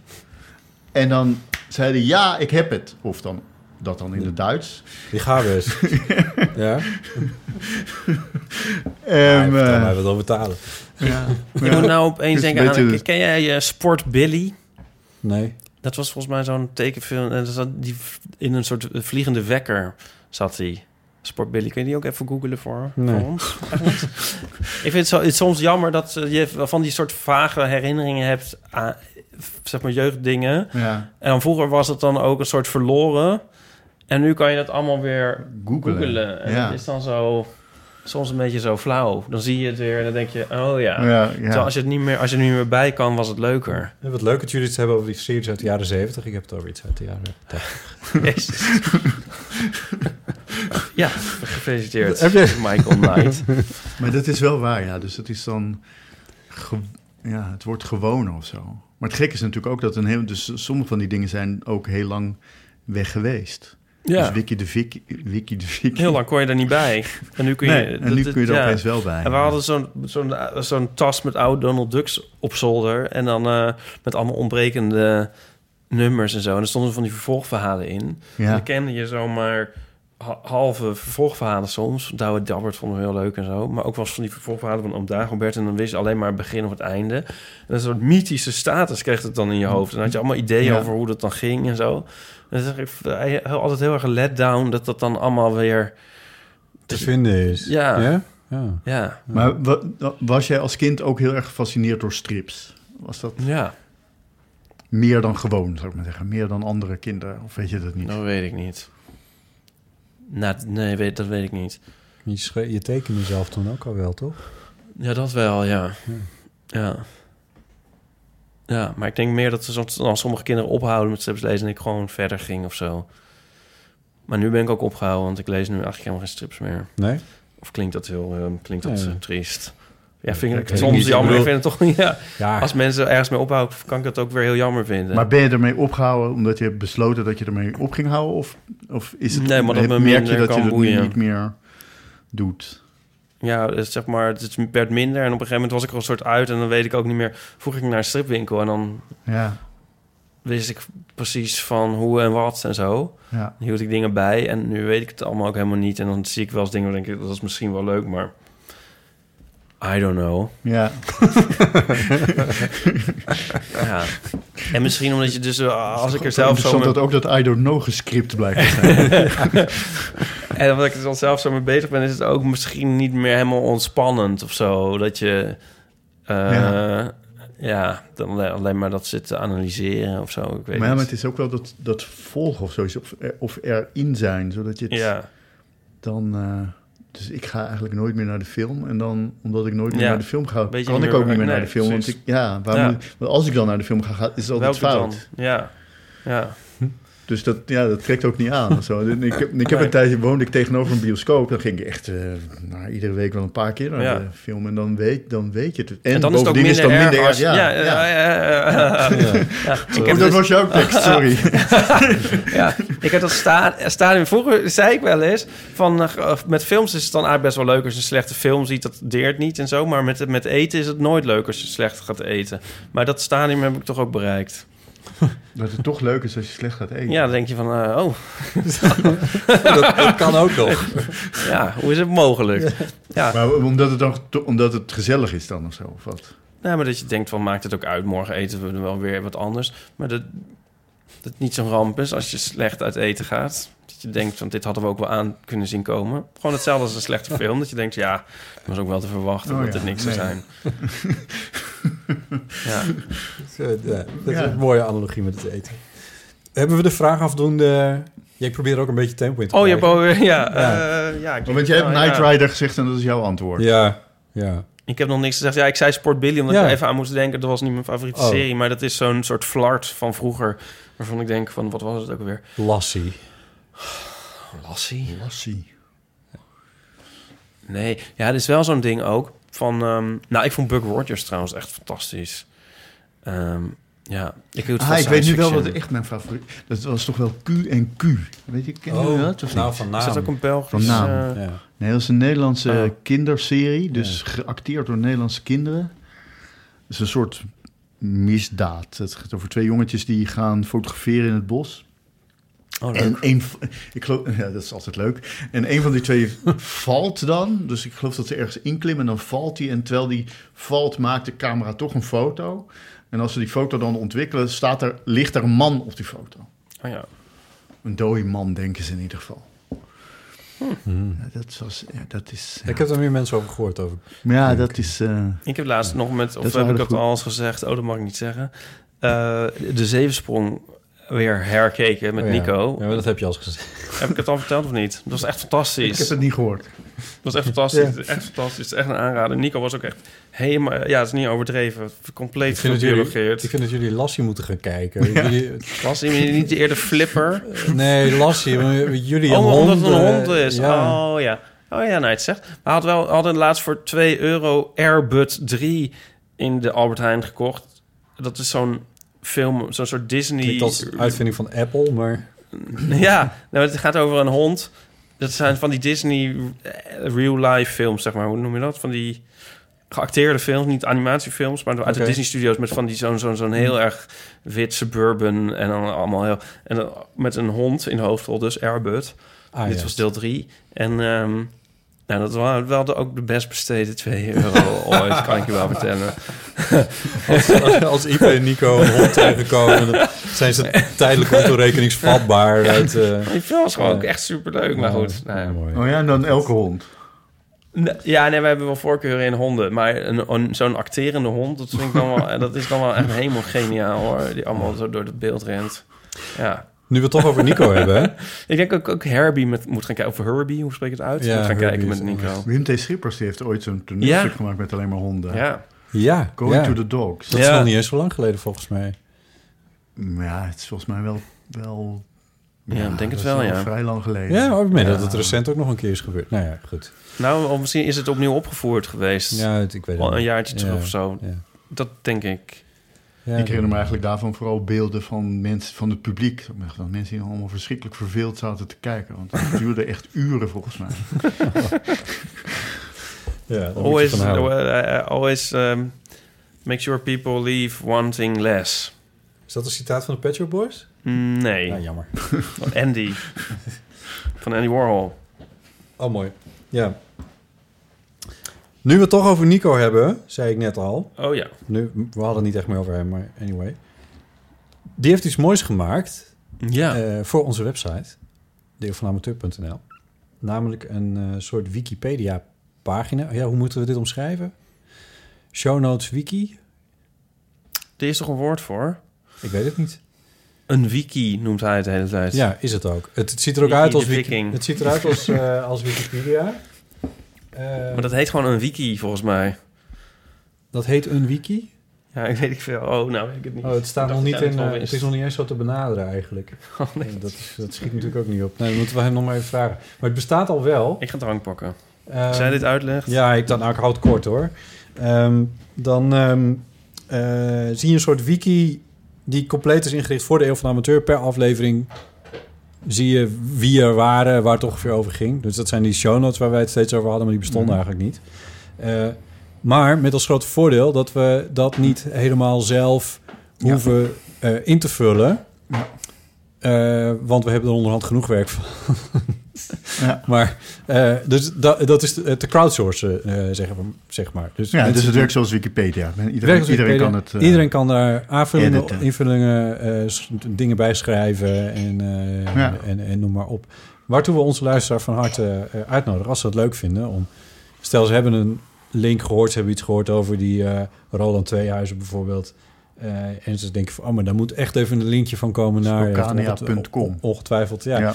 Dan, ehm, die, ja, die, die staat volgens mij al enige tijd open, eh, Ja, volgens mij is hij wel te drinken. Ja, het, ik laat het aan jou. Wil jij eh, hem misschien? Er is nieuwe, hè? Ik heb speciaal nieuwe gehaald. Ja, ik ben niet zo'n kenner. Ik zou dit drinken, maar ik ben... Ja, laten we daar... Ja, laat, maar, Mark, je mag... Ik ben ook niet heel erg een kenner. Ik, nou, ik heb liever dat je, dat je Mark verse wijn geeft. Oh, Ja. Ik heb hem nog in staan. Ik mag proberen. En dan drink jij zo- Nou niet te zeggen van dit is Ja, nee, dat is, zo werkt het natuurlijk niet. Jezus, wat ben je hier slecht in? Jongen, jongen, jongen, jongen. Echt een gigantisch glas. Zo waar ook, ja. Ro- Rode wijn blijft toch heel, heel met Ja, zo- rode wijn, ja. En het stond vacuüm, dus dat zou op zich wel... Dat moet, mij het... eh, maar zo, zo werkt het niet. Nou, anyway. Ik, ga je, ik heb dit niet, misschien niet heel aantrekkelijk gepresenteerd, Ik geef heb- ik toe. Ik, heb deze, ik, ik neem hier geen drink ik die verantwoordelijkheid. ook op. Durf je dat? dat is, zo geven ze mij nooit wijn. Nee, dat, daarom vind ik het gewoon even, even die Ik ga vers. graag slecht uit eten. Wat Nou, vind je? Je krijgt... Nee, het is wel, het is wel te doen. Jezus. oh nee, oh nee, Ipo. Wat is jouw goed? Ja, maar- situatie het breng je me nou weer? Nee, nee, het is goede wijn. Het is Het goede is wijn. heerlijke Goede wijn. wijn. Dankjewel. Het Dankjewel. is, eh, ja, Adobe Photoshop wijn. Ja, No spawn. no spawn. Oké, Heb je dat van die wiki al uit? ja, dat heb ik wel Oh, ongeveer. oké. eh, dus we gaan zijn toe aan. 06 1990 88 68 71. Ja. Nee, dat iedereen weet dit. Ja, precies. Eh, laten we er meteen in duiken. Even kijken hoor, welke zullen we eerst eens even doen? Oh ja, eh, Deborah. Hoi, eh Botte en Ipe. En ik hoop ook eh Paulien. Dat is Mark Goh, is dit spannend. Ehm, ik ben Deborah eh, uit de buurt van Zwolle. En eh, ik zei net ook eh, dat ik eh, hoop dat Paulien er is, omdat voornamelijk mijn vraag iets te maken heeft met taal en vooral het gevoel wat hierbij ehm, eh, eh, oplevert. En daarnaast ben ik ook gewoon een groot fan van Paulien. Dit even terzijde. Mijn vraag ligt dicht bij het thema werk. Ik heb namelijk een psychische kwetsbaarheid, waardoor ik al een tijd niet kan werken. Wel heb ik ooit gewerkt in de zorg, bijbaantjes gehad en een HBO-studie afgerond. En dat maakt het ook wel eh, dat niet werken eh, toch lastig is om om te gaan met eh, de, de kwetsbaarheid die ik heb. Wat ik wel doe is dagbesteding en daar gaat mijn vraag ook over. Ehm, het is voornamelijk het woord dagbesteding, want dagbesteding doe ik voornamelijk om te leren om te gaan met mijn kwetsbaarheden en mezelf verder te ontwikkelen, zodat ik ooit toch hopelijk kan werken. En, ehm, maar het woord dagbesteding, dat geeft toch wel een soort van gevoel van nutteloosheid. En voornamelijk als je dat eh, bespreekt op eh, verjaardag, als gevraagd wordt van, hé, hey, wat doe jij eh, voor werk? Nou, dan kan je eigenlijk niet heel veel zeggen dan dagbesteding. En leg dat maar eens uit. Dus ehm, mijn vraag nogmaals is dus, hebben jullie een suggestie voor een vervangende term van dagbesteding, wat in het algemeen een positieve en nuttige gevoel geeft? Zowel aan mensen die dit doen, dus die dagbesteding doen, als mensen eh, daarbuiten, zodat eh, het gespreksonderwerp over dagbesteding eh, ook een prettiger ehm, eh, onderwerp wordt en dat het ook eh,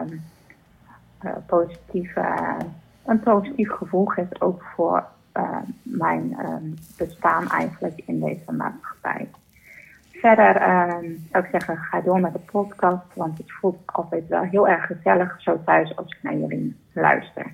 En oh ja, eh, nog heel veel, ehm, ook, ik, ik, nou ja, dit thema is heel erg bekend en eh, voornamelijk bij Stichting Focus in Zwolle met mensen waar ik het eh, over heb gehad. Maar ik weet niet of ik dat had mogen zeggen, maar Vast wel. ik het er Oké, nou eh, bedankt. Doeg. Dankjewel, Deborah. Dat is een, eh, is een interessante vraag. Ja. Waarbij je volgens mij, om, om een beetje tot een, eh, tot een soort antwoordje te komen, of een antwoordsuggestie in ieder geval, eh, voor wat een betere vervangende term zou kunnen zijn voor dagbesteding, eh, ontbreekt er wel een klein beetje informatie wat die dagbesteding dan Ja, dat dacht ik ook, ja. is. Ja. Eh, maar misschien schuilt daar het antwoord ook wel een klein beetje in. Omdat ik me... Maar nu ben ik dus helemaal aan het speculeren. Want ik, heb echt, ik weet echt niet wat dagbesteding Nee. eh, inhoudt. Afgezien van dat mijn moeder af en toe eh, ook bij een, eh, bij, een, bij een stichting voor mensen met, met die psychische hulp nodig hebben. Dat die meer hulp nodig hebben dan als ik het zo hoor Deborah nodig heeft. Maar ehm, maakt mijn moeder muziek met die mensen. Ja. Dus daar kan ik me iets bij voorstellen. Ik kan me iets bij voorstellen. Ja, dat, dus, je, dus je zegt, ze zou, je zou dan concreter kunnen zijn. Ja, zeg dan van ik heb vanmiddag, ik heb vanmiddag muziek gemaakt. Ja. Of eh, Maar ja, mensen vragen, neem ik aan, wat... Dus het is meer zo'n soort gesprek waar mensen vragen, wat doe jij? Dus niet wat heb je vandaag precies. gedaan, maar wat doe jij? Ja, ja. Dus wat- een, een overkoepelende term voor Ja. al die dingen. Ja. En die is nu dagbesteding. Ja. ja.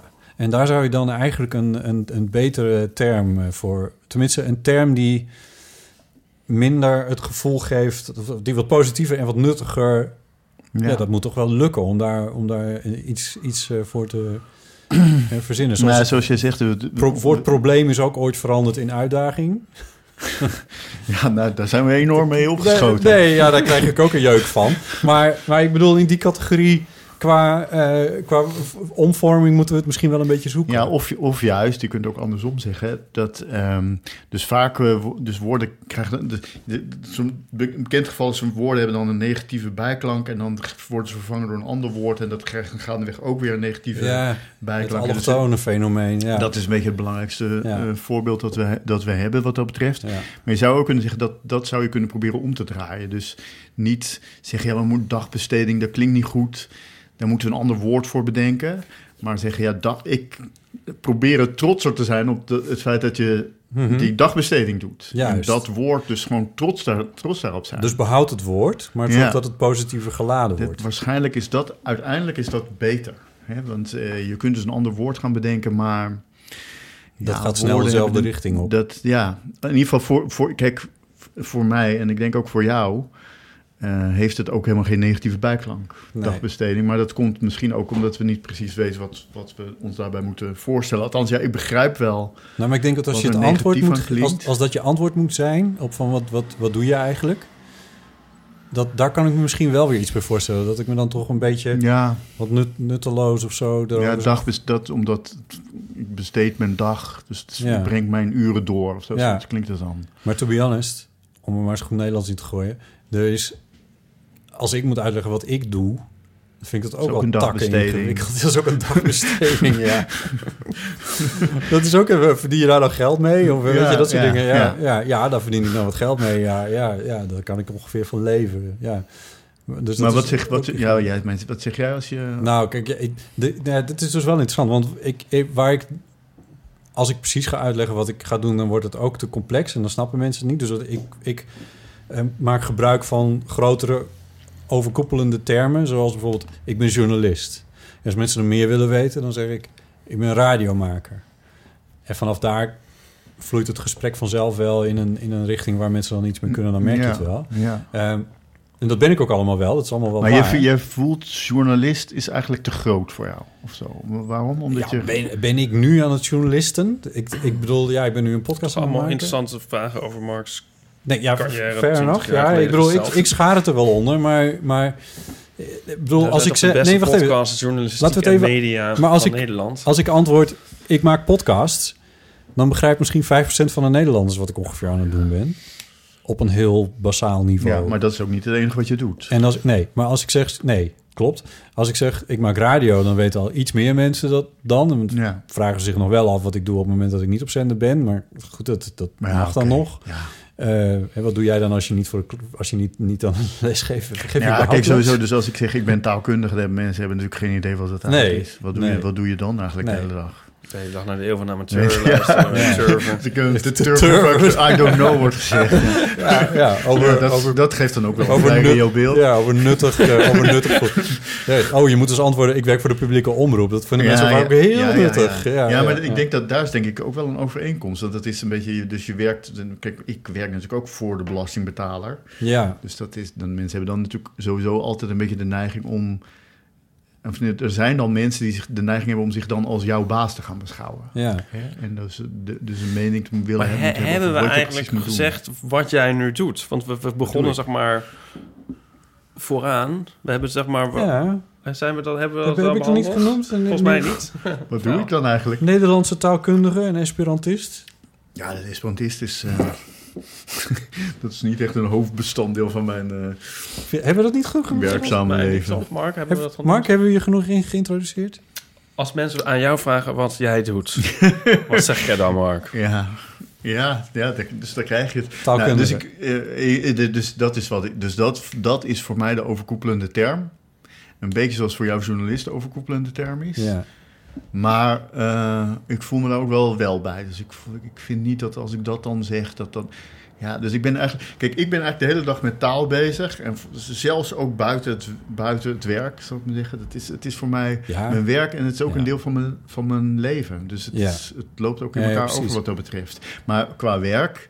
Dus ik werk eh, op twee plaatsen, namelijk in Amsterdam... op het Meertens Instituut. Het eh, Instituut voor Nederlandse Taal en Cultuur. En Bekend van de namen. Bekend van de namen onder andere, dus van de namen Database, databanken, bekend ja. van de beroemde roman Het Ja. Bureau. Ehm, en ehm, Hoe lang werk je er al? daar werk ik al ik, ik denk dat ik nu van precies vandaag, 20 jaar geleden, mijn sollicitatiebrief aan het schrijven was. Oh, dus ik heb daar in januari heb ik een gesprek gehad. eh, in 9 januari 99. Dus heb je Voskel dan nog meegemaakt? Nee, ik heb Voskel nooit ontmoet. Nee. Nee, dus eh Voskel is met, in 87 met pensioen gegaan. En toen ik, eh, toen ik daar kwam werken, toen waren, ik weet niet precies hoeveel, maar er waren een paar delen waren al verschenen. Oh, die boeken kwamen veel later. Ja, dus hij is met pensioen gegaan en toen eh, is hij zelfs nog een paar jaar blijven komen. Ja. En toen op een bepaald moment, toen, toen ontwikkelde zich bij hem een enorme wrok. Ja. En uit die wrok zijn die boeken voortgekomen. Maar die is dus toen gaan schrijven. Ja, dat waren 5000 pagina's, dus die had hij ook niet in één dag klaar. Nee. En eh, bovendien kreeg hij ze volgens mij ook niet meteen eh, uitgegeven, eh, gek genoeg. Maar dus toen ik daar ging werken, toen was het echt... Het is ook een gigantische hit. Dat was echt Ja, eh ja. Paulien Cornelis-achtige tevreden, Ja. zeg maar. Dat mensen voor Ja, de boekwinkel in stonden. toen Ja, Harry dat laatste deel kwam. Ja, ja, ja. Dat. Want ze, ze, bouwden dat ook echt zo op. Dat je dan inderdaad. Harry Potter... dat er dan op die dag verschijnt het. En er waren ook van die verhalen van mensen die op sterven lagen... en die dan brieven schreven aan de uitgever... of ze niet alsjeblieft nee, echt? Toch het laatste deel al mochten lezen. Oh my god. Oh, wauw. Nice. En eh, Maar toen zat jij er dus al wel. dus toen, toen werkte ik er, Ja. ja. Maar eh, kijk, dus Voskel zelf heb ik echt Nee. ook nooit ontmoet. Maar eh, hij had, de, de waren of zijn, en zijn nog steeds twee afdelingen, taal en cultuur. Hij was van de cultuur, ik ben van de taal. Maar die mensen bij cultuur, die had hij allemaal aangenomen. En die waren allemaal een stuk jonger dan hij. Dus al die men, alle andere mensen die in het boek voorkomen, die heb ik allemaal Ja. wel gekend. Ja, Ja, ja. Ja, dus inmiddels dan zijn die wel ook wel allemaal Ja. weg, geloof ik, ja. Mag ik het toch weer een beetje richting Ja, de ja. Deborah nudgen allemaal? Het is een... Ja, eh, nou, zo nee, maar dan, want dat is één en de andere is Ja, dus in eh, Nijmegen. ja. Dat, dat moet het toch voor de Nee, nee, heel volledigheid, goed. Ja. anders dan eh, Ja. krijg ik Dankjewel. Ik die. Ja. Ja. We zijn een uur bezig, maar we hebben het nu toch. Nu ben ik dan toch geïntroduceerd. Ja, ja. ja, en wat doe- doe je in Nijmegen dus? In in Nijmegen ben ik hoogleraar eh, ja, bij Nederlands en academische communicatie heet dat. Nou, Ja.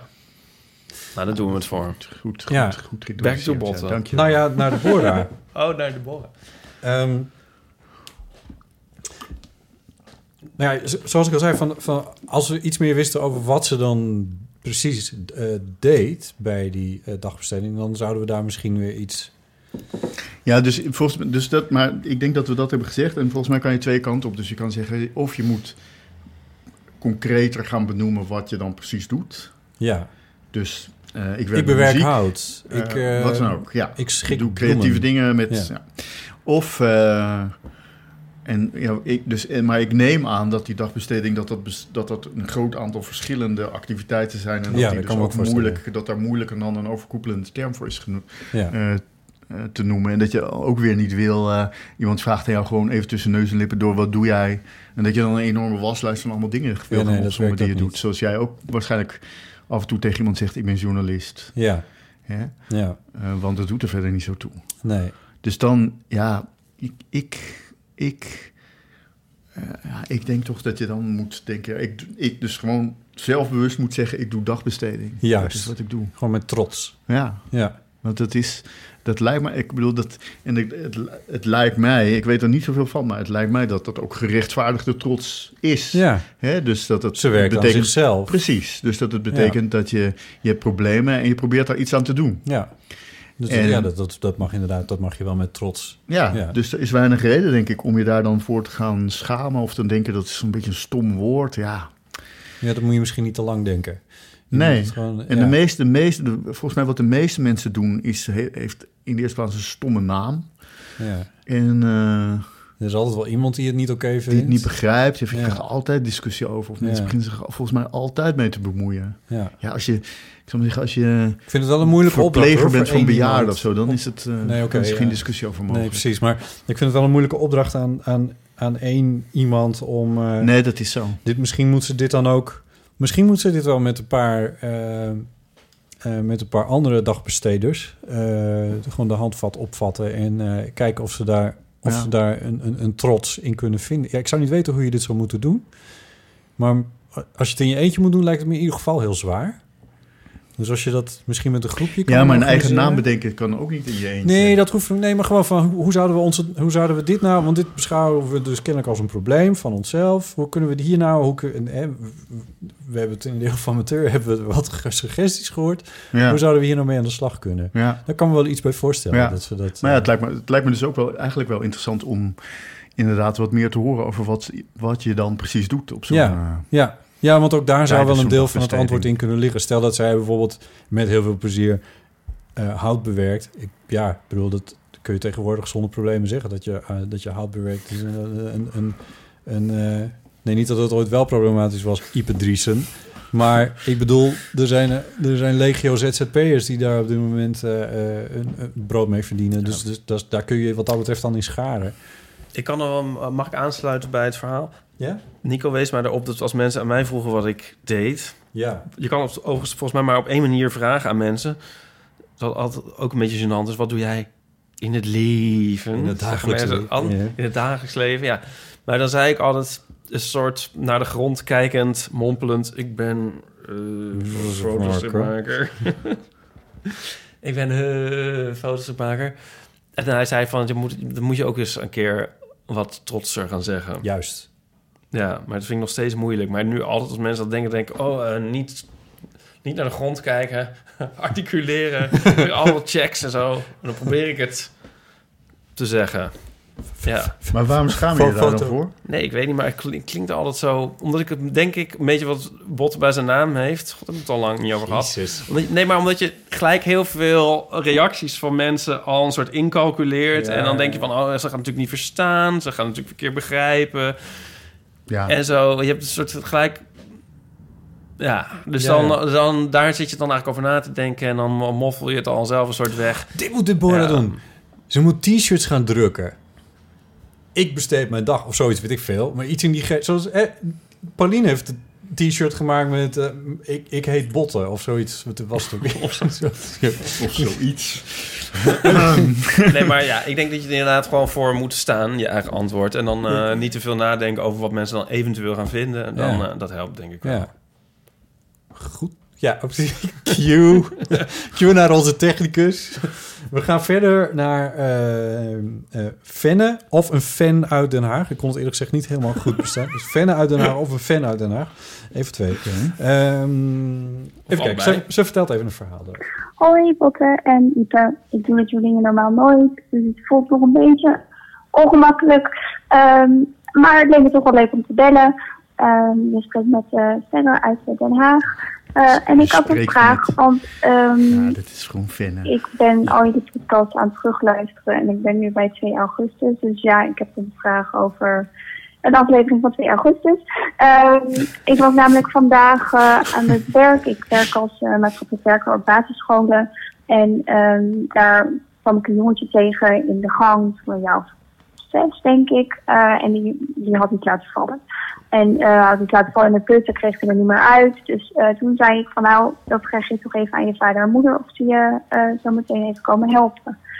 Ehm, en toen zei hij nee hoor, dat kan niet, want ik heb twee moeders. En ik zei, nou oké, ik weet maar nou, dan vraag je aan je moeders of ze je even komen helpen.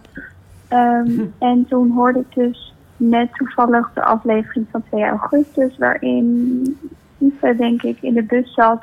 Ehm, Oh, ja. En dat de buschauffeur hem iets vroeg over, eh, over, over een huis kopen met je vriendin. Oh, of, dat.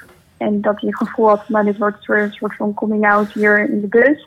Eh, en dat het dan heel ongemakkelijk is. Ehm, en toen dacht ik dus even terug aan het jongetje. En toen dacht ik, ja, eigenlijk was dat dus ook een soort van coming out. Alleen dan niet van de moeders, maar ehm, had het een soort van awkward mini coming out kunnen zijn. Ehm, maar het werd niet awkward omdat het jongetje daar eigenlijk zo makkelijk... eh, ja, hij zei eigenlijk gewoon heel, heel makkelijk van... nee hoor, ik kan niet, want ik heb twee moeders en toen was het oké. Eh, dus ik denk eh, dat mijn vraag is... In hoeverre heb je zelf invloed op hoe ja, ongemakkelijk je het maakt? Zeg maar. In hoeverre is het dan eigenlijk een coming out... maar meer gewoon een feit van... ja, ik heb een huis gekocht met mijn vriend dat is dan gewoon zo. Maar en als je er zelf misschien niet zoveel lading, ehm, ja, niet zoveel lading aan geeft. in hoeverre is het dan ook echt een coming out? In hoeverre is het dan awkward? Ehm, ik ben heel benieuwd hoe jullie dit zien. En ehm, ik ga gewoon weer luisteren. Dankjewel vast. Dankjewel, Fenne. Ehm hier wordt eh Ipe even de les gelezen door een eh, jongetje Nou, van dat vind ik zeven. Jij moest net heel gênant eh, zeggen dat je een vrouw had. dat is natuurlijk even een gek moment Even hier. toch een momentje. Ja, dat viel een pijnlijke stilte Ja, oh. Die er vast uitgemonteerd ja. wordt. Maar ehm, nee, maar het sluit ook wel aan bij ehm, Zeker. eigenlijk ons eigen advies net. Of ja, voor jullie advies. Ja, maar nee, ja. Ons advies. Ja, dus ehm, ik zal het eens gedacht houden. Maar het is natuurlijk...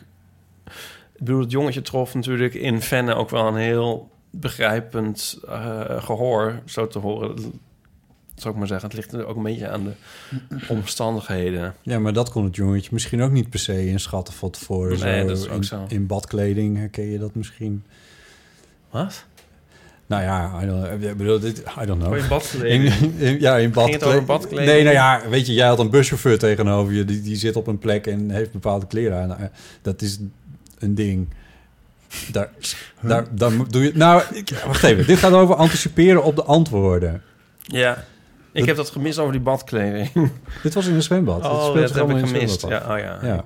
Dat- Maar is het niet, dus voor zover ik dat fenomeen begrijp van die awkward eh, Mini-coming mini-coming-out... out, eh, speelt een belangrijke rol daarbij dat je sowieso, dat je wat, wat je denkt over wat de ander denkt.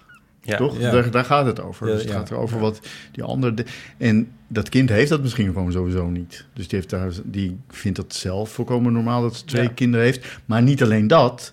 Die begrijpt eigenlijk eh, nog niet dat daar situaties kunnen ontstaan waarin dat Gek. awkward is. zeg maar. Dus die kent dat hele, die kent dat hele eh, begrip. Die, die, die leeft nog in een wereld waarin dat sowieso, waar dat volkomen Ja. onproblematisch is. Ja. Hopelijk. Ja. Oh, ja, hopelijk. Nee, maar ja. dat, dat, dat, Ja. dat them and long may it last. Ja, maar niet, eigenlijk niet alleen maar hopelijk, maar het, het is ook een beetje gewoon hoe kinderen zijn. Hè? Dus die kinderen zijn natuurlijk wel heel erg geneigd om de omstandigheden waarin ze toevallig verkeren, zulke kleine kinderen zeker, als Gegeven te beschouwen. Gegeven te En- beschouwen. En, als Ja. algemeen te beschouwen. Ja, ik en denk ook niet- wel dat dat aan die awkward mini coming out twee aspecten zitten. Van awkward voor jezelf, maar ook waar het toen over ging met het verhaal van Teun. Dat hij niet wil zeggen, eh, dat was ingebeld vorige keer, van dat die voor vrouwen wordt, wordt aangezien en altijd gênant vindt voor de ander om het te corrigeren. Dus je wil ook soms, dat speelt soms ook een rol, dat de andere een soort verkeerde aanname doet en je eigenlijk diegene dan weer een soort wil beschermen tegen, daartegen. Ja, Ja, maar dan nog steeds kan dit advies wel opgaan van... nou Ja. dan doe je dat gewoon en is dat niet zo erg. En hoe, misschien als je daar een beetje, dat met een beetje show doet... dan Ja, kan het- het allemaal best. Ik vind het een, eh, een hele interessante case. Want het jongetje zei dus... Zij vroeg van... Het jongetje had een probleem, er was iets in een putje gevallen. En zij zei tegen het jongetje van... Oh, dan moet je even je, je vader en je moeder vragen. Waarop het jongetje zei... Nee, dat kan niet, want ik heb twee moeders. Dus er was wel een soort bewustzijn... over Ja, dat ja. er... ja, dat is eigenlijk wel zo. Dus dat Ja. klopt eigenlijk niet met wat ik zei. Dus het is natuurlijk ook tegelijkertijd zo dat niemand wil er liever normaal zijn dan een kind. Ja, En alles zo normaal mogelijk hebben. Ja. Dus eh, als de meeste kinderen in jouw klas een vader en een moeder hebben, dan ook het liefst ook een vader en een moeder Ja. hebben. Dat, dus daar kan ook nog wel wat anders achter zitten Ja, misschien. kan- dat is wel dat, zou, waar, dat zou kunnen. ja. Maar aan de andere kant... mm, Ja, je hebt zelf wel een beetje invloed op die awkward mini-coming-out. Want dat jongetje ging wel, gewoon, het was wel heel straight van... Nee, ik heb niet een vader en een moeder. Ja. Ik heb twee moeders. Ja. Ik denk de oplossing is een t-shirt met ik ben gay. of, Ja. een, of, een, of een jas van het merk Misschien met faggot. Faggot er- Of eh, misschien kunnen we een vlag verzinnen met heel veel kleuren. ja. nou ja, anyway. Ehm, goed, dat waren de Eeuwfoon eh, berichten. Twee hele mooie, vond ik zelf. Nieuwe Eeuwfoon berichten zijn eh, van harte welkom. Ehm, we bespreken ze graag. Eh, dus echt kwesties, levenskwesties. Dingen die je niet kan googlen, zoals we het wel eens genoemd hebben. Wat zit je op mijn briefje te kijken? Kijk wat er komt. Wat er komt. Ehm, Ik heb nog een vraag voor Mark. ja? tot, tot mij gekomen. Ja, dat is die zeg maar eh, een soort ebefoon, maar dan niet ingesproken, maar aan mij vermeld. Namelijk van een vriendin uit Leiden. Ehm, Oké. Benoem dit nou of... eh, Nee, nee, ik heb geen zin over dat, kom op, ehm, wat zit van Jonica of niet? En Ik, heb, ik ken, ik ken heel veel mensen, maar dat doet er niet toe. nou ja. Ehm, het is maar weer te oud, hè? Het gaat over het woord gezellig. Ehm, het woord gezellig wordt gebruikt als soort synoniem voor gay. Dat is eigenlijk ook misschien wel een vraag voor jou, Botte. Ja. Ehm, Je bedoelt ook mild pedant. ja, oh ja dat, dat, dat zei je al, we hebben dit al besproken. Ja. Ja, en eh, de vraag was eigenlijk: is dat een eh, soort lokaal fenomeen? Is dat ons meer bekend? Ehm, Ja, je bedoelt of dit binnen de... Binnen... is het een soort Leids iets? Of is dat een, Of dit een Leids Het is specifiek over het woord gezellig. Gezellig, ja. Ja. Ik meen het namelijk te hallo. herkennen van Minerva. Ik ken, ik, ken, ik ken een leider maar slechts één persoon... en dat is precies de persoon die deze vraag heeft Oh. gesteld. Nou ja, ik ken een paar oud Minervianen en ik meen het me te herinneren. Ik heb dat niet meer gecheckt trouwens, want jij zei het van de week tegen me. Maar eh, ik meen me te herinneren dat die het daar ook wel eens over hadden. Maar goed, bij jou komt het niet, eh jou komt Ik, eh, voor. Nee, maar ik heb dus de, de enige keer dat ik de internationale pers heb gehaald... was toen, er al, toen had ik een keer... Ik had toen toevallig in Leiden met een paar jongeren gepraat... En die hadden allebei, eh, dus te- te- en onafhankelijk van elkaar, en die kwamen ook van verschillende scholen in Leiden. En die zeiden allebei dat zij het woord Jood gebruikten voor goed. Dus die broek is Jood, Oh. Oké. zeiden ze. Ja. Ehm, eh, dus daar heb ik toen iets over opgeschreven. En dat ging echt eh, nou, over de hele wereld. Het is een soort wat Emiel Ratelband nu eh, Ja, inderdaad. heeft. Zo, zoiets. En, maar het, dus, dus de- in heel veel kranten over de hele wereld heeft dat gestaan. En ik heb daarna nooit meer iemand gevonden die dat, die dat, dat ook zei. ook zei. Ja. Want Dus dat is ook... ja. Dat, dat soort dingen doet het Meertens Instituut toch ook? Dat ze dan gaan bijhouden hoe de verspreiding is van... eh, Ja, ja, ja, ja, Ja. ja, ja. ja. Ja, alleen het, ja, het niet gaat, verwacht dat jij alles weet en uit je hoofd, maar... eh, Het, ja. gaat, het gaat dan meestal over, over traditionele dialecten. Ja. Oh, ja. En wat ze, in de, wat ze bij Minerva in Leiden zeggen, dat is, dat, hou, dat is wel interessant en ook wel potentieel onderwerp van onderzoek. ja. Maar dat houden we niet systematisch bij. Nee, nee, nee. Ja, maar hij kwam met Minerva. Dat eh, was, dat was mijn vraagstelling. Nou ja, ja, precies. Ik Nee. meen het trouwens ik dat Minerva van- nu een, eh, een gezellige jongen als, eh, als voorzitter heeft. Maar Ah, misschien... goed. Ja, ik meen ik. Weet Ja, want ik dacht wel gelijk, want ik vond het, vond het wel een goed woord. Ik dacht, Ja. dat kan ik ook wel eens gaan gebruiken. Ja. Ja, ze had er nog iets Ja, in. het is wel, het is, ja, je begrijpt het ook meteen op de een of andere ja, dat manier. is grappig Ja. te gaan. Ja. Het is- wist ik niet of het me nou bekend voorkwam... of dat ik het, dat het inderdaad zo goed begrijp... dat het daardoor het soort meteen al bekend voorkomt. Ja. Ja. En ze zei, want het was ook een goede manier om een soort eh, in code te praten voor mensen die dan niet in de know zijn. Dat als je bij je ouders bent of zo en uh, zo van, oh, maar is hij ook gezellig? Ja, ze is een hele gezellige jongen. Kun je het zo over hebben. Oh, en dan ja. eh, kan het bij ja, andere mensen een Maar- soort... Gaat het aan je ouders voorbij, maar nu Ja. niet meer, want ze zijn luisteraars van de Eeuwfoon. Maar de, dus gay is misschien ook wel zo ontstaan natuurlijk. Ja, gay of- zelf. Ja, want gay Ja. is natuurlijk ook een soort Ja. Gezellig. Dus het kan ook zijn dat het Ja. een soort terugvertaald dat, is. Dus, daar, ja, Ah, ja. daar zal het ongetwijfeld iets mee te maken Ja. hebben. Ja, Ja. Dat het, Ja, Heel goed. Maar mochten er nou mensen uit Leiden zijn die dit herkennen... of überhaupt in den landen die dit ja, herkennen liever nog als... van, van elders natuurlijk. Ja, dat zou nog veel Ja. leuker zijn. Ja. Nee, nee, nee, dat komt niet uit Leiden. Dit komt Ja. uit Badhoevedorp. En dan... eh, Ja, be- dan komt het uit Leiden, dat is de één vraag. En komt het uit, specifiek uit studenten? bestaat het kringen? überhaupt, het fenomeen? Ja, het bestaat, want er zijn mensen die het zeggen. Ja, maar hoe wij het Als je verspreid met, is als je met het Jood verspreiden. al de internationale pers kan halen, dan bestaat dit ook. Stuur een mailtje het, ja. naar mark.meertensinstituut.nl Mark.van.oostendorp, je Mark met, met een c, at van oostendorp.nl. Dat is makkelijk. Ja, precies. Of je twittert het even naar jou. Dat is misschien ook, nog makkelijker. Anyway, je mag het ook gewoon naar ons, eh, de Eurofoon, inbellen. En andere dingen waarvan je denkt, hé, hey, dit is een leuke kwestie. Daar wil ik nog eens iets over zeggen. Eh, dit kan ik niet googlen. Hoe denken jullie daarover?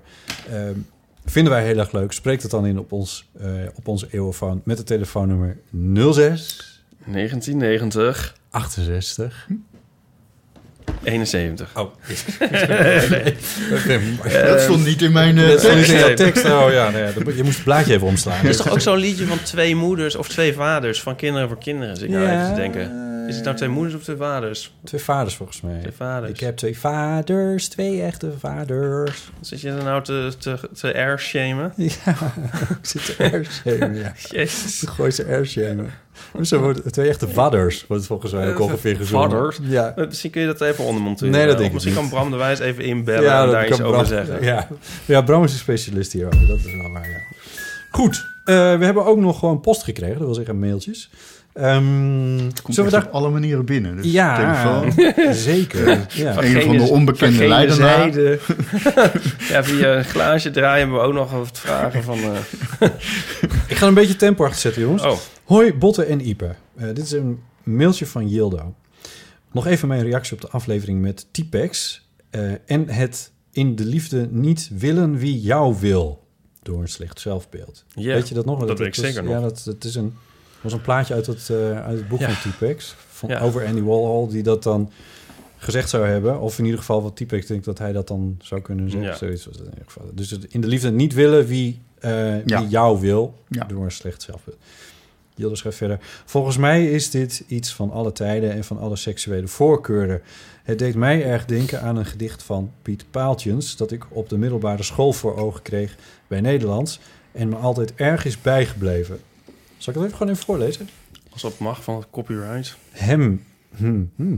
Ah, ja, ja, ja. Nou, nou, we zullen zien. Hem die mij grof beledigt... Maar overlaat met smaad. immortele... eh, oh shit, het is een Immortele. Romeins... eh, even kijken hoor. Oh. Misschien wil Mark het even voorlezen, want die kent het wel uit zijn hoofd. X, I, I, I. Wat is het? Jongens, dat helpt me even. L is 50 voor. Wat Dat is allemaal? 250, 3, 253. Even uit mijn hoofd. Nee, drie, nee. L, Wat- wat, is staat de L in Romeinse letters? 50. 50. Dus dit is 80. Als hij ergens voor staat, 83. gaat het eraf. Sorry, Oké. 83. Oh. Immortale 83. Immortelle. Immortelle. Immortelle, twee L'en, heel goed, ja. Hem die mij grof beledigt, mij overlaat met schand... en openlijk mij belastert, hem reik ik de broederhand. Maar die mij voorkomend bejegent, die zich aan mij verplicht... en zich mijn vriend durft te noemen, dien spuw ik in het gezicht. Het gezicht heet Immortellen inderdaad. Ja. Ja. Ja. Wilda schrijft... Ik weet niet eens of ik het gedicht goed interpreteer... maar dat dit me zo aanspreekt... is vast ook iets met een slecht zelfbeeld...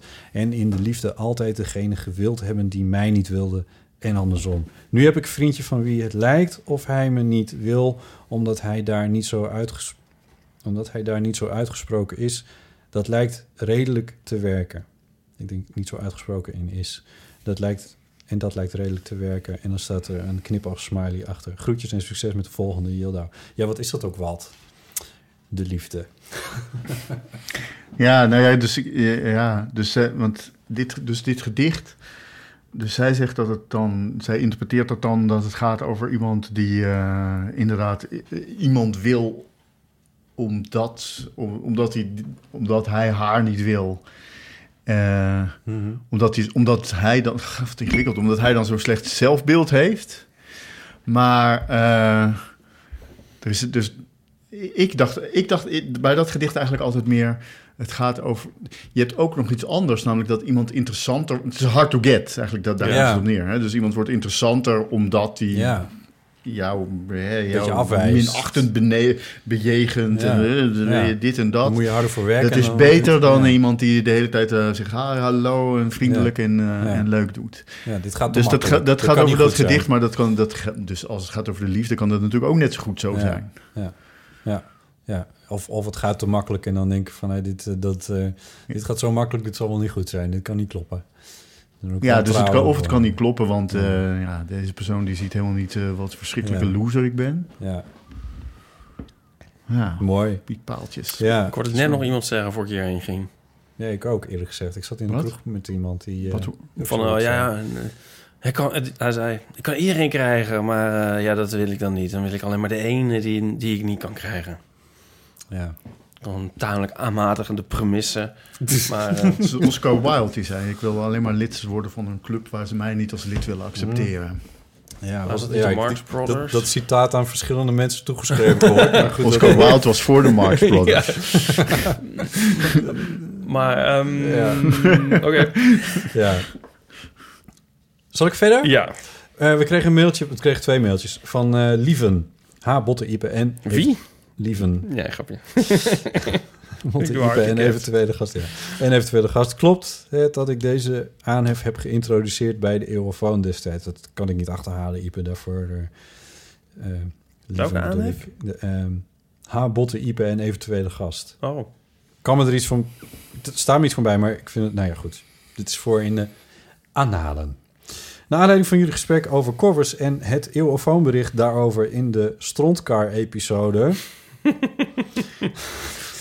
Gelukkig heeft de podcast net als andere audiovisuele media nog geen geurfunctionaliteit. Heb ik, de, heb ik een podcast-tip. Laatste woord graag uitspreken zoals jullie de Pet Shop Boys altijd zo verbaasd uitspreken. Oh. Podcast-tip. Sorry. Ja. Ja. ik doe maar, Ja, ik doe maar even wat liever zegt. Te weten de podcast Soul Music van BBC Radio 4. In tegenstelling tot de NPO-podcasts wel gewoon te vinden op Spotify. Deze podcast behandelt bekende nummers uit de popmuziek op de tegenovergestelde manier zoals de bekende Song Exploder podcast. Ook een podcasttip dat doet. Namelijk, ik snap hier bijna niks meer van. Het is heel ingewikkeld dit. Dit is echt voor... Namelijk door verhalen van luisteraars centraal te stellen. Hadden wij het daarover? Zeer emotioneel en vaak behandelen ze dus ook verschillende uitvoeringen van dat nummer. Oh ja, over, oh ja, de, oh ja die covers. Ja. Daar kwam dat vandaan. Ja, dat zei hij. Ja, dat zei hij. Ja, maar ik was het even vergeten. Oké. Ehm, ik hoop dat iedereen die naar de eeuw luistert ook die podcast eens een kans geeft. Ik zou zeggen, begin met een nummer dat je zelf ook goed kent.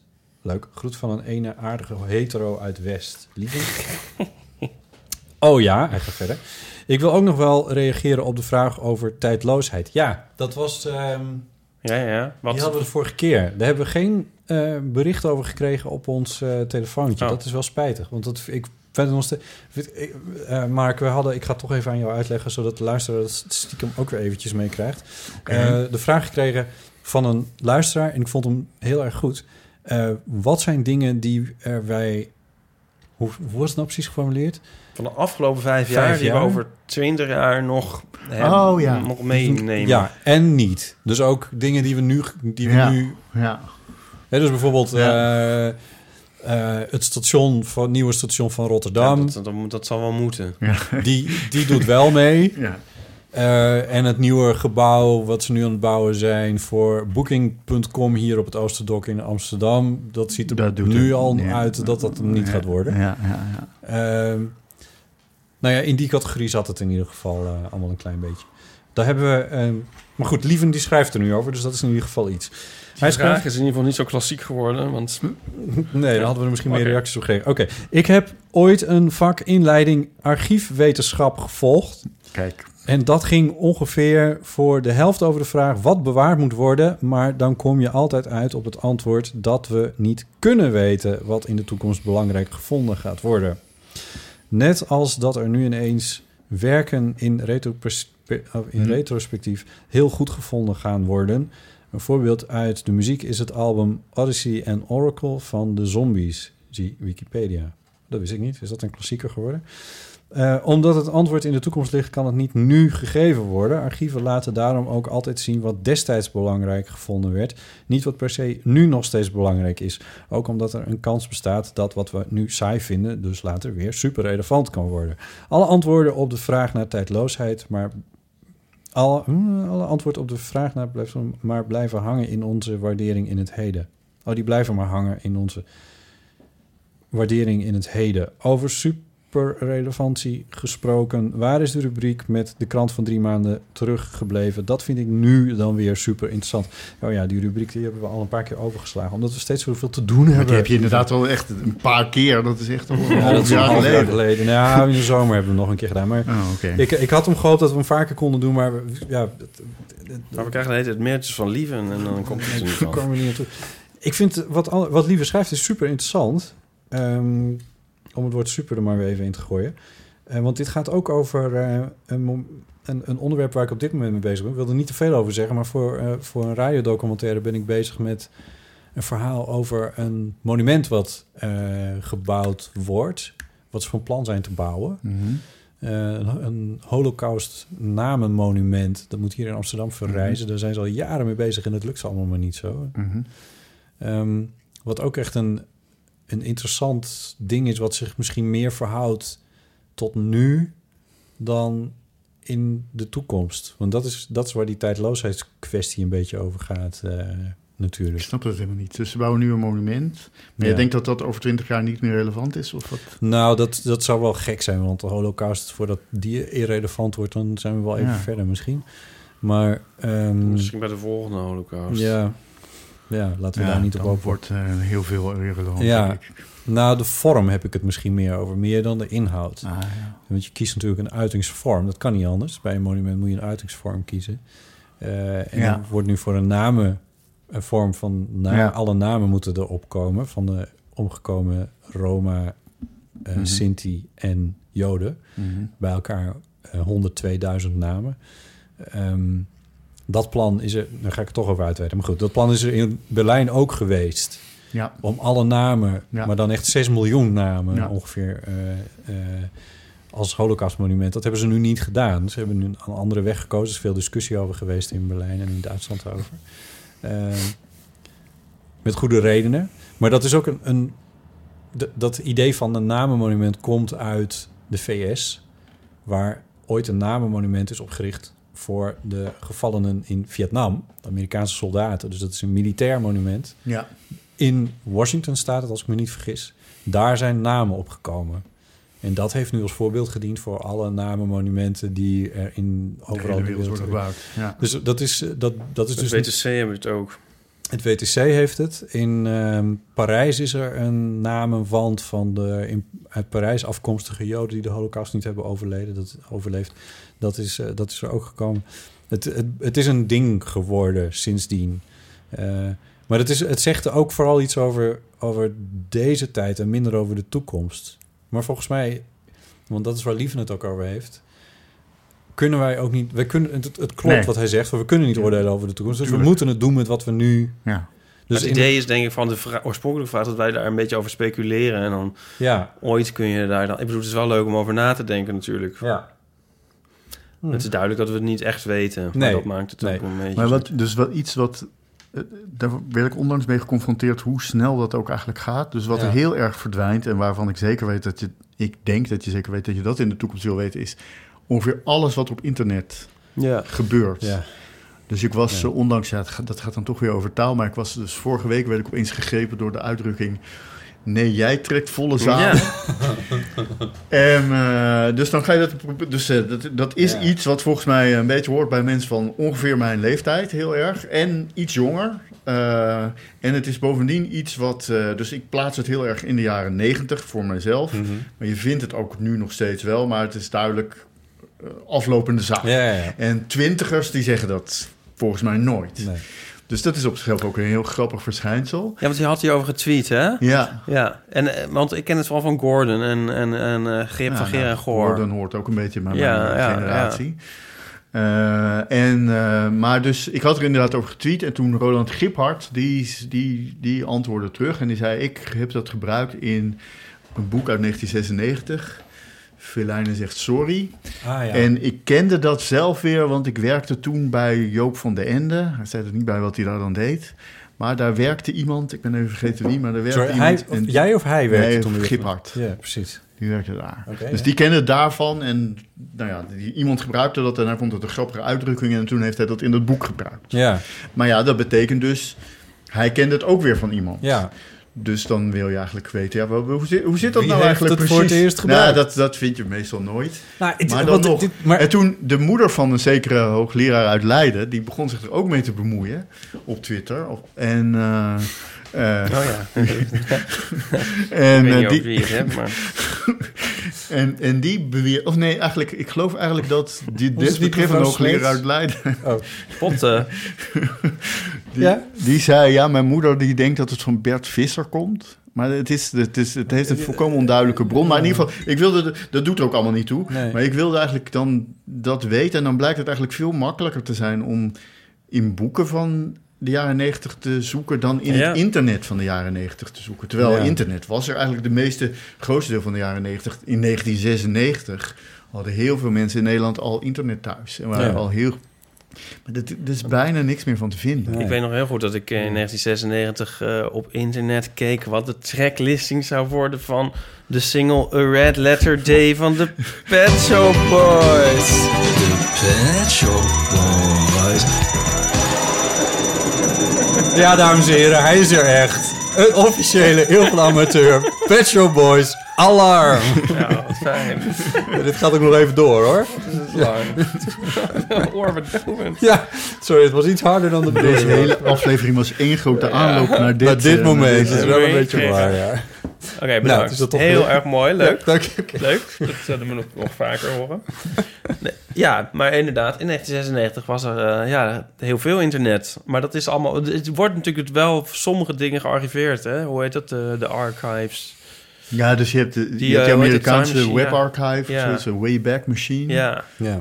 Eh, die slaan ook volgens mij nog niet eens echt alles op. nee.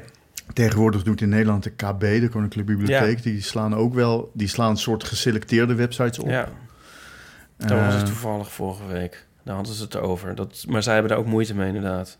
Ja, en het is eigenlijk, ja, ja kan het dan Maar niet? is Of grappig, is- want het is dus inderdaad... Het, op, ergens leef je met het idee van... ja, alles wat we nu opschrijven... dat zal wel voor de Ja. eeuwigheid bewaard worden. Ja, Terwijl ik heb ook al bestanden in mijn computer staan... Die, die, die, waar ik het programma niet meer van heb. Dat, dat kan ik niet meer openen. maar die bestanden zijn denk ik wel een beetje oud, of niet? wel- nou, het is maar wat je oud noemt. 20, 25 jaar. Ja, ja, nee, 20, 25 jaar geleden. Dat was, toen was alles helemaal Nou ja, anders, ja. ja. Ik weet het Nee, niet. dat meer. is waar. Dus Ja, is dat is toch maar heel relatief. Maar dat kan ik dus nu al niet, eigenlijk niet meer, niet meer lezen. Eh, en eh, met internet inderdaad precies hetzelfde. Ja, dat klopt wel. Het is grappig. Ik, zat, ik heb nu al een tijdje geen boekjes meer uitgebracht met mijn strips. Ja. Boeken, moet ik zeggen. En ehm, nu ga ik Geen- dat ja, misschien dus weer sta doen. ervoor, hè? Precies. Nu ga ik het misschien weer doen. Dus als ik er even te kijken... en ik heb nu iets van 300 strips die niet in boek zijn verschenen... dan krijg ik ook spontane zenuwen. Alsof Ja. die niet bestaan. Terwijl ze staan wel online. Maar voor naar mijn gevoel is het dan net alsof ze niet beschikbaar zijn voor Oh, ja? de mensheid. Ja. Ja, nee, dat heb ik eigenlijk juist steeds minder. Ja? Als het online staat, dan... Dat is dus eh, voor een deel onterecht, maar Ja. ja. eigenlijk, ja, dan, dan is het er gewoon een, een boek. Ja. Ik Ja, was- maar ik als ik mijn site, als ik eh, de, de brui aangeef... of als ik eh Ja, nee, dat is overlijd zo. en eh, niemand betaalt me die 20 euro... eh sponsors, let op, per, ik weet niet. Ja. Maar wordt, je, aan- je- aan- wordt jouw website niet dan, gearchiveerd eh, door de KB? Nou, dat weet ik niet. Zou het? Ja, maar dan, nog, dan moet je ook wel heel erg goed weten waar je naar op zoek bent, hè? Voor als iemand dat nog een keer wil zien. Ja. Ja, maar dat gaat ook met die boeken natuurlijk. Ja. Ja, maar ja. ja in misschien. ditzelfde kader was ik deze week wel af. eh, wat was het? Vorige week was ik wel even onder de indruk. Eh, ik kreeg een boek van een radiocollega van mij... die, eh, die mij de opdracht heeft gegeven voor die radiodocumentaire... waar ik het net over had. Mhm. En die zei van, dit moet je even lezen, want dit gaat er ongeveer over. Want die heb ik ooit een keer geïnterviewd. En inderdaad, ik sloeg het boek open... en daar stond het krantenberichtje in... waar dit boek werd aangekondigd. Dat had hij uitgeknipt, dat zat in het boek. Mhm. Het krantenberichtje waar het radioprogramma... waar het in werd besproken werd aangekondigd. Dat zat uitgeknipt in dat boek. Mhm. Eh, zijn voorbereidingen voor dat gesprek zat, in dat, zat, zat daarvoor in. En dat is allemaal uit 2007. Toen dacht ik van, oh, wat, wat, wat goed en wat fijn dat je dat zo gedocumenteerd hebt. Het is, Ja. ik, Ja. ik heb dat nooit zo gedaan. En eigenlijk Ja. heb ik er nu al spijt van of zo. Maar eh, het, het- bij hem is het gewoon allemaal weer terug te vinden. Hij wist ook meteen van, oh ja, nee, maar dat is, dat is dat en dat. En het was ook meteen helder waar dat allemaal over ging. Want de dingen die je maakt voor de radio... die worden allemaal bij beeld en Ja. geluid of zoiets opgeslagen? Ja, of, ja. eh, Nee, dat klopt. Dat is zo. Ja, het is natuurlijk allemaal bewegende lucht en het is, ne- het, het is niet getranscribeerd. Dus het is, ja, bewegende lucht. Ik bedoel, het, het, het, het, is, het bestaat. Hoe bestaat het? Weet je, het is een. Het is, het, in veel gevallen is het zijn het digitale bestanden die niet uit lettertjes. Ja, maar je bedoelde eigenlijk bijna het omgekeerde. Dus wat je voor de radio maakt, dat, dat, daarvan kun je eigenlijk Ja. er wel van uitgaan dat dat, ge- dat, dat gearchiveerd wordt. Ja, ja, dat is waar. En Je kan- dat, en dat dat ook wel een beetje... Het moet wel heel raar lopen, wil dat archief verdwijnen. ja, maar, maar goed. Ja, nee, dat, dat is waar. Dus voor deze podcast Alleen- is het alweer anders. Nee, maar, ja, ja, ja, zeker. Maar ik krijg bij de, in de KB ook een soort zenuw dat ik eigenlijk vind dat iemand moet dat er iemand moet zijn die alles weet. Dat, die behoefte kreeg ik heel Ja. erg. Dacht ik van, oh, al die dingen liggen daar. En ehm, dan doen ze daar de hele tijd zelf ontdekkingen in hun archief. En dan denk ik, dan, dan is het er bij wijze van spreken nog bijna niet. Nee, als het, Snap je? als Dat zijn het er al- eindeloze hoeveelheden omvallende bomen in regenwouden die niemand hoort. Ja. Ja, ik krijg er echt zenuwen van. Ja, ik heb er wel eens over gelezen dat ze toen, toen ze die, al, al die catalogen hier allemaal gingen digitaliseren. Ja. Dat is natuurlijk enorm werk. Dat zijn allemaal kaartjes. En die, zijn, die kaartjes die zijn voor een deel met de hand geschreven of anders geschreven. Dus er gaat heel veel bij mis. Ja. En eh, in het begin dan waren die bibliotheken die waren dan heel blij, weet je wel. Zijn eindelijk van die suffe Ja. kaartjes af. Dus dan organiseerden ze acties dat ze dan die kaartjes met ballonnen gingen laten opvliegen. Oh, nee. Zo. En dat stuk ging af. Nee, houd, bewaar dat nou alsjeblieft, die kaarten. Want eh, eigenlijk alles, iedere kaart die verkeerd in, het, Ja. in het computersysteem Oh, komt, God. betekent een boek dat eigenlijk kwijt is. Ja. Ja. Ja, en wie weet hoe goed ze over een paar jaar zijn met handschriftherkenning en dat soort dingen. En dan wordt Ook het dat. toch weer beter. Ja, ja, ja. Ja, Ja. ik heb dat met ingescande foto's. Dan denk ik ook altijd van, ja, bewaar het origineel toch in vredesnaam. Want je weet nooit of je dat later op toch nog een hogere resolutie weer kan inscannen en toch nog kan bewaren. Ja, ja. Even nog over... Mary over Kondo is aan ons niet besteed. Wie? Mary Kondo, de opruimgoeroe. Oh ja, ja.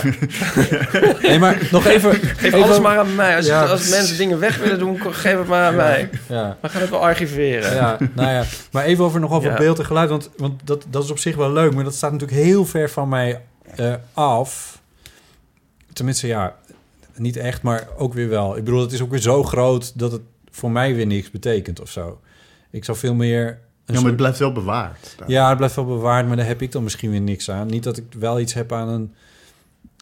eh, hoe zeg je zou je- persoonlijk... Ja, ja, ja. Een soort persoonlijk archief. Ja, waar je hoewel dan, ik dat ook eh, een soort belachelijk, ooit, eh, egoïstisch... 80 bent, dat je dan eh, daar nog Ja, is dat ook niet een ongelooflijk egoïstische gedachte... dat je dan iets zou nalaten op de wereld dat het toe doet? Dat het bewaarde ja, waard dat- is? Ja. Is dat Dus nu egoïstisch? Weet ik niet of, het, e- of dat ego- egoïstisch is als je vindt dat, dat, dat de mensen dat moeten doen. Dat de mensen dat moeten voor jou bewaren moeten doen. Ja, ja maar ja, dat zeiden we net wel een klein beetje. Ja. Ja, ja ik, het, is, het is eigenlijk voor mij is het meer. Het, ik vind het eigenlijk heel vreemd dat we dat allemaal niet bewaren, gegeven hoe makkelijk het is om Ja, dat allemaal precies. te bewaren. Ja. En juist ook, ja, ik, ik vind dus juist ook eigenlijk al die dingen die dan niet per se verschrikkelijk belangrijk, die we nu niet per se verschrikkelijk belangrijk vinden. Dat is waar Liefes e-mail ook over ging. Mhm. Die zijn natuurlijk eigenlijk ook, ja, ook weer wel interessant op een bepaalde manier. Dus al dat geklets en eh, eh, al die eindeloze foto's die iedereen allemaal met elkaar deelt en zo. Ja, waarom niet? Dus het is zo makkelijk om dat te bewaren. Waarom Bij doen we dat Instagram kun je ook al dus heel makkelijk nu al die dingen weer eraf halen. Wat heel veel mensen doen. Die hebben dan maar vijf fotootjes of zo in roulatie. Ja, Ja, ja, ja. dat irriteert me dus ook al mateloos. Allemaal blijven staan. Ja, Ja. Ja, ja mensen, dat vind ik ook. Ja. Ik, vind het, ik weet niet of het me irriteert, maar ik vind het wel heel, heel vreemd. Ja. Ja. Waarom bewaar je dat niet gewoon? Ja. Waarom lijkt het dat. Ja. mensen dat dan allemaal precies... Dat, je kunt zeggen, dat is ook egoïstisch. Dat je juist precies alleen maar een bepaald beeld van jezelf wil laten. Ja, eh, dat is misschien nog wel egoïstischer. Ja. Heel soms gooi ik een kaart weg waar dan oh, zeg maar een lelijke kaart met eh, een lelijk plaatje en dan staat er alleen maar op gefeliciteerd of zo. Gooi je dat weg? En dan heel soms gooi ik er dan één weg. Maar dat is that, that's it. Ja, ja, ja, ja. Ja, ja. God, ja, waar, moet je alle, waar moet je het toch allemaal bewaren? Maar zelfs dan denk ik nog wel eens van... oh ja, Ja. is het van die en die... en misschien overlijdt die op een gegeven moment... en dan is dat het enige handschrift dat ik er nog van heb... laat ik hem toch maar bewaren, deze gefeliciteerd. Zelfs die overweging maak ik dan nog. Ja, ik heb, ja, met boeken heb ik dat zeker. Dat een boek weggooien, dat is echt... Of zelfs... Oh, ik fietste van de week over de gracht hier in Amsterdam.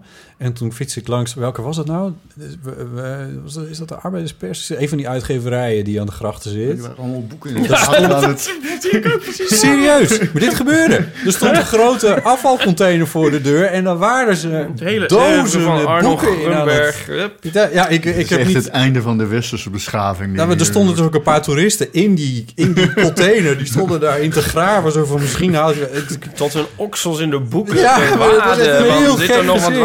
Waardevols bij? Nee. Ik snap ook niet waarom ik dat niet even gefotografeerd heb of iets in die geest. Ah, Dat dit heb ook vastgelegd worden. Dit is een soort rare koortsdroom Het is van jou. echt waar. Het is gewoon Dat gebeurd. fotograferen en die foto dan vervolgens weg. Ja, precies. ja. Maar ik dacht, wij, Als, kunst, als kunstuiting. Ik hoopte heel even dat je zei, want ik fietste laatst op de Prinsengracht. En daar stond zo'n zo'n zo'n verregende IKEA-kast voor een van de grachtenpand... met boeken die je dan mee kon nemen. Oh ja. Zoals je wel eens ziet. Ja. Maar ik had het nog nooit gezien op zo'n voorname plek. En prompt, wat staat erin? Gödel Escherbach. Ah, Dus ik dacht, nou ja, dat kan je toch niet... Dat staat hier gewoon gratis, staat hier gewoon Gödel Escherbach. Dat vond ik toch wel een heel mooi boek. Ik bedoel, normaal staat het Ik toch kijk alleen je maar... hol aan, want ik eh, ken dit boek niet, staat maar- er normaal in? Pinkeltje... In, Gödel Escherbach is het boek dat je hebt gelezen als je bijvoorbeeld kunstmatige intelligentie Oké. bent gaan studeren. Juist. Dat is, Ja, dat is ook wel... dat is een soort... eh, Ja. Oorlog en vrede van de nerds. Ja, dat lijkt me een vrij goede omschrijving. Ja. Ja. Het is ook qua omvang is het wel. ja. eh, Dus ik heb er nu een exemplaar over. Dus als iemand belangstelling heeft voor Gödel Nee, dan... eh. Het idee is dat je ook weer iets in die kast zet, hè? Nee hoor, dat stond er niet. Nee, Ja. dat was van, wij moeten hier van af. Wij zijn snops in een grachtenpand en deze boeken doen we weg. Oh, oké. Ja, oh, nou dan is het Gratis anders. mee te nemen stond er. In deze buurt, wat toch ook Ja. welgestelden wonen, daar, is het, daar staat dan zo'n kast waar je dan ook weer iets in Ja, kan. Nou ja, nee. dat doet er ook niet toe. Over gratis, weet je wat ik altijd gek vind? Ik ga nog een taal denken, oh nee, we moeten door. Ja. En dan staat er zo, eh gelieve hier geen rijwielen te placeren of zoiets. Hebben ze van die bordjes. Dan denk ik altijd, waarom mensen dat, dat, dat placeren, verzin ik. Maar waarom wordt er altijd zo omstandig Oh, ja. gezegd... Geen, Ja. Waarom staat er niet van optiefte met je fiets Ja, of zo? Want dat begrijpt toch niet... Rijwielen? Niemand Weet zegt je? dat. Hier Ja. geen rijwielen. Gelieve hier geen rijwielen. Een heel waar slaat dat op? Een heel stom voorbeeld. Dit staat dus heel uitgebreid op een etalageruit aan de Elandsgracht. Ja, En weet je wat er in de etalage staat? nou, Aan de binnenkant? een fiets. Een fiets.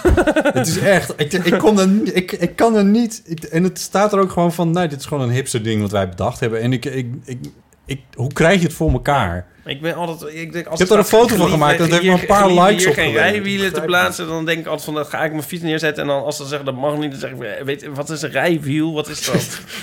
En gelieve. Dat win, je, dat win je niet hoor. Gelieve goed. Heremans. Ja. Oké, Goed. en door. Wat gaan we daar En door... Ja, dat gaat echt als een trein. Dat Een Gaat er nog wel een trein geoliede op beeld machine. Ja. Ehm, dit jaar maken we elke week een nieuwe aflevering van de Eeuw van de Amateur. Elke week dus. En deze serie die wordt mede mogelijk gemaakt door Storytel. Storytel heeft duizenden audioboeken. Die hoef je nooit weg te gooien, audioboeken. Eh, duizenden verhalen staan erin. Die kan je beluisteren vanaf je smartphone, je tablet of vanaf de website. En speciaal voor de Eeuw van de Amateur kan je deze verhalen twee weken langer gratis proberen dan normaal gesproken. Ga naar storytel.nl slash eeuw en probeer Storytel 30 gra- dagen gratis. Wij danken Storytel met, eh, voor het sponsoren met onze verhalen-rubriek. Wat een verhaal! Waarin wij eh, verschillende thema's... eh, sorry, wou je iets zeggen, Ipe? Nee, goed. Het gaat ge- geolied, hè? Ja, een beetje terug. Wat ik interessant vind is dat jij deze, deze, vooral deze jingle, dat jij die ook helemaal mee memet. Dat is eigenlijk, we moeten eigenlijk nog wel eens beelden. Dus dit, nou, wat een verhaal. Dat wordt ook helemaal in Ja. lichaamstaal uitgedrukt. Ja, hij gaat ook een beetje, hij gaat ook een helemaal- beetje zakt op uit zijn eerst stoel. in en dan gaat het weer omhoog. Ja, deze heb ik gemaakt, dus eh, Ja, dat is dan... eh, Ik kan nog wat maar- jongens, trek alsjeblieft die andere open. Dat is veel beter. Oh, is dat bij... Ja, oh. natuurlijk. Ja, ja, ja. Oh, Oké, nou, ik neem geen verantwoordelijkheid. Geen wijnverantwoordelijkheid in deze. Eh, we, we, we, we dragen verschillende thema's eh, hiertoe aan. We kunnen even luisteren naar eh, het verhaal van Suzanne. Hoi Bot en Ipe, met Suzanne. Sorry, ik Suzanne. bel voor de rubriek. Nou, wat een verhaal. Ja, want ik zat net naar jullie te luisteren en ik hoorde dat het nieuwe onderwerp daten was. En ik dacht, volgens mij heb ik een goed verhaal voor jullie. Hoewel het niet echt een dateverhaal is, want er is nooit een date geweest. Maar eh, ik was laatst op Tinder in gesprek geraakt met een jongen. Ik was zo aan het eh, swipen. En ehm, ik was eigenlijk ondertussen ook op zoek naar een goede podcast. Want ik had dus net ontdekt dat het, het concept van de podcast spreekt me gewoon aan. Dat er iemand tegen me praat als ik te moe ben om een boek te lezen of een film te kijken. Eh, of terwijl ik iets heel saais doe, zoals de was ophangen. Dat is gewoon wel een goed concept. Maar ik kon dus nog niet helemaal een podcast vinden waar ik echt gelukkig van werd. En toen zat ik een swipe op Tinder en toen zag ik een jongen en die zei in dat kleine stukje daaronder dat hij hield van podcasts. Dus ik dacht, deze moet ik hebben. Hij zag er verder ook wel oké uit. Eh, en het, nou, ik helemaal blij, want we waren een match.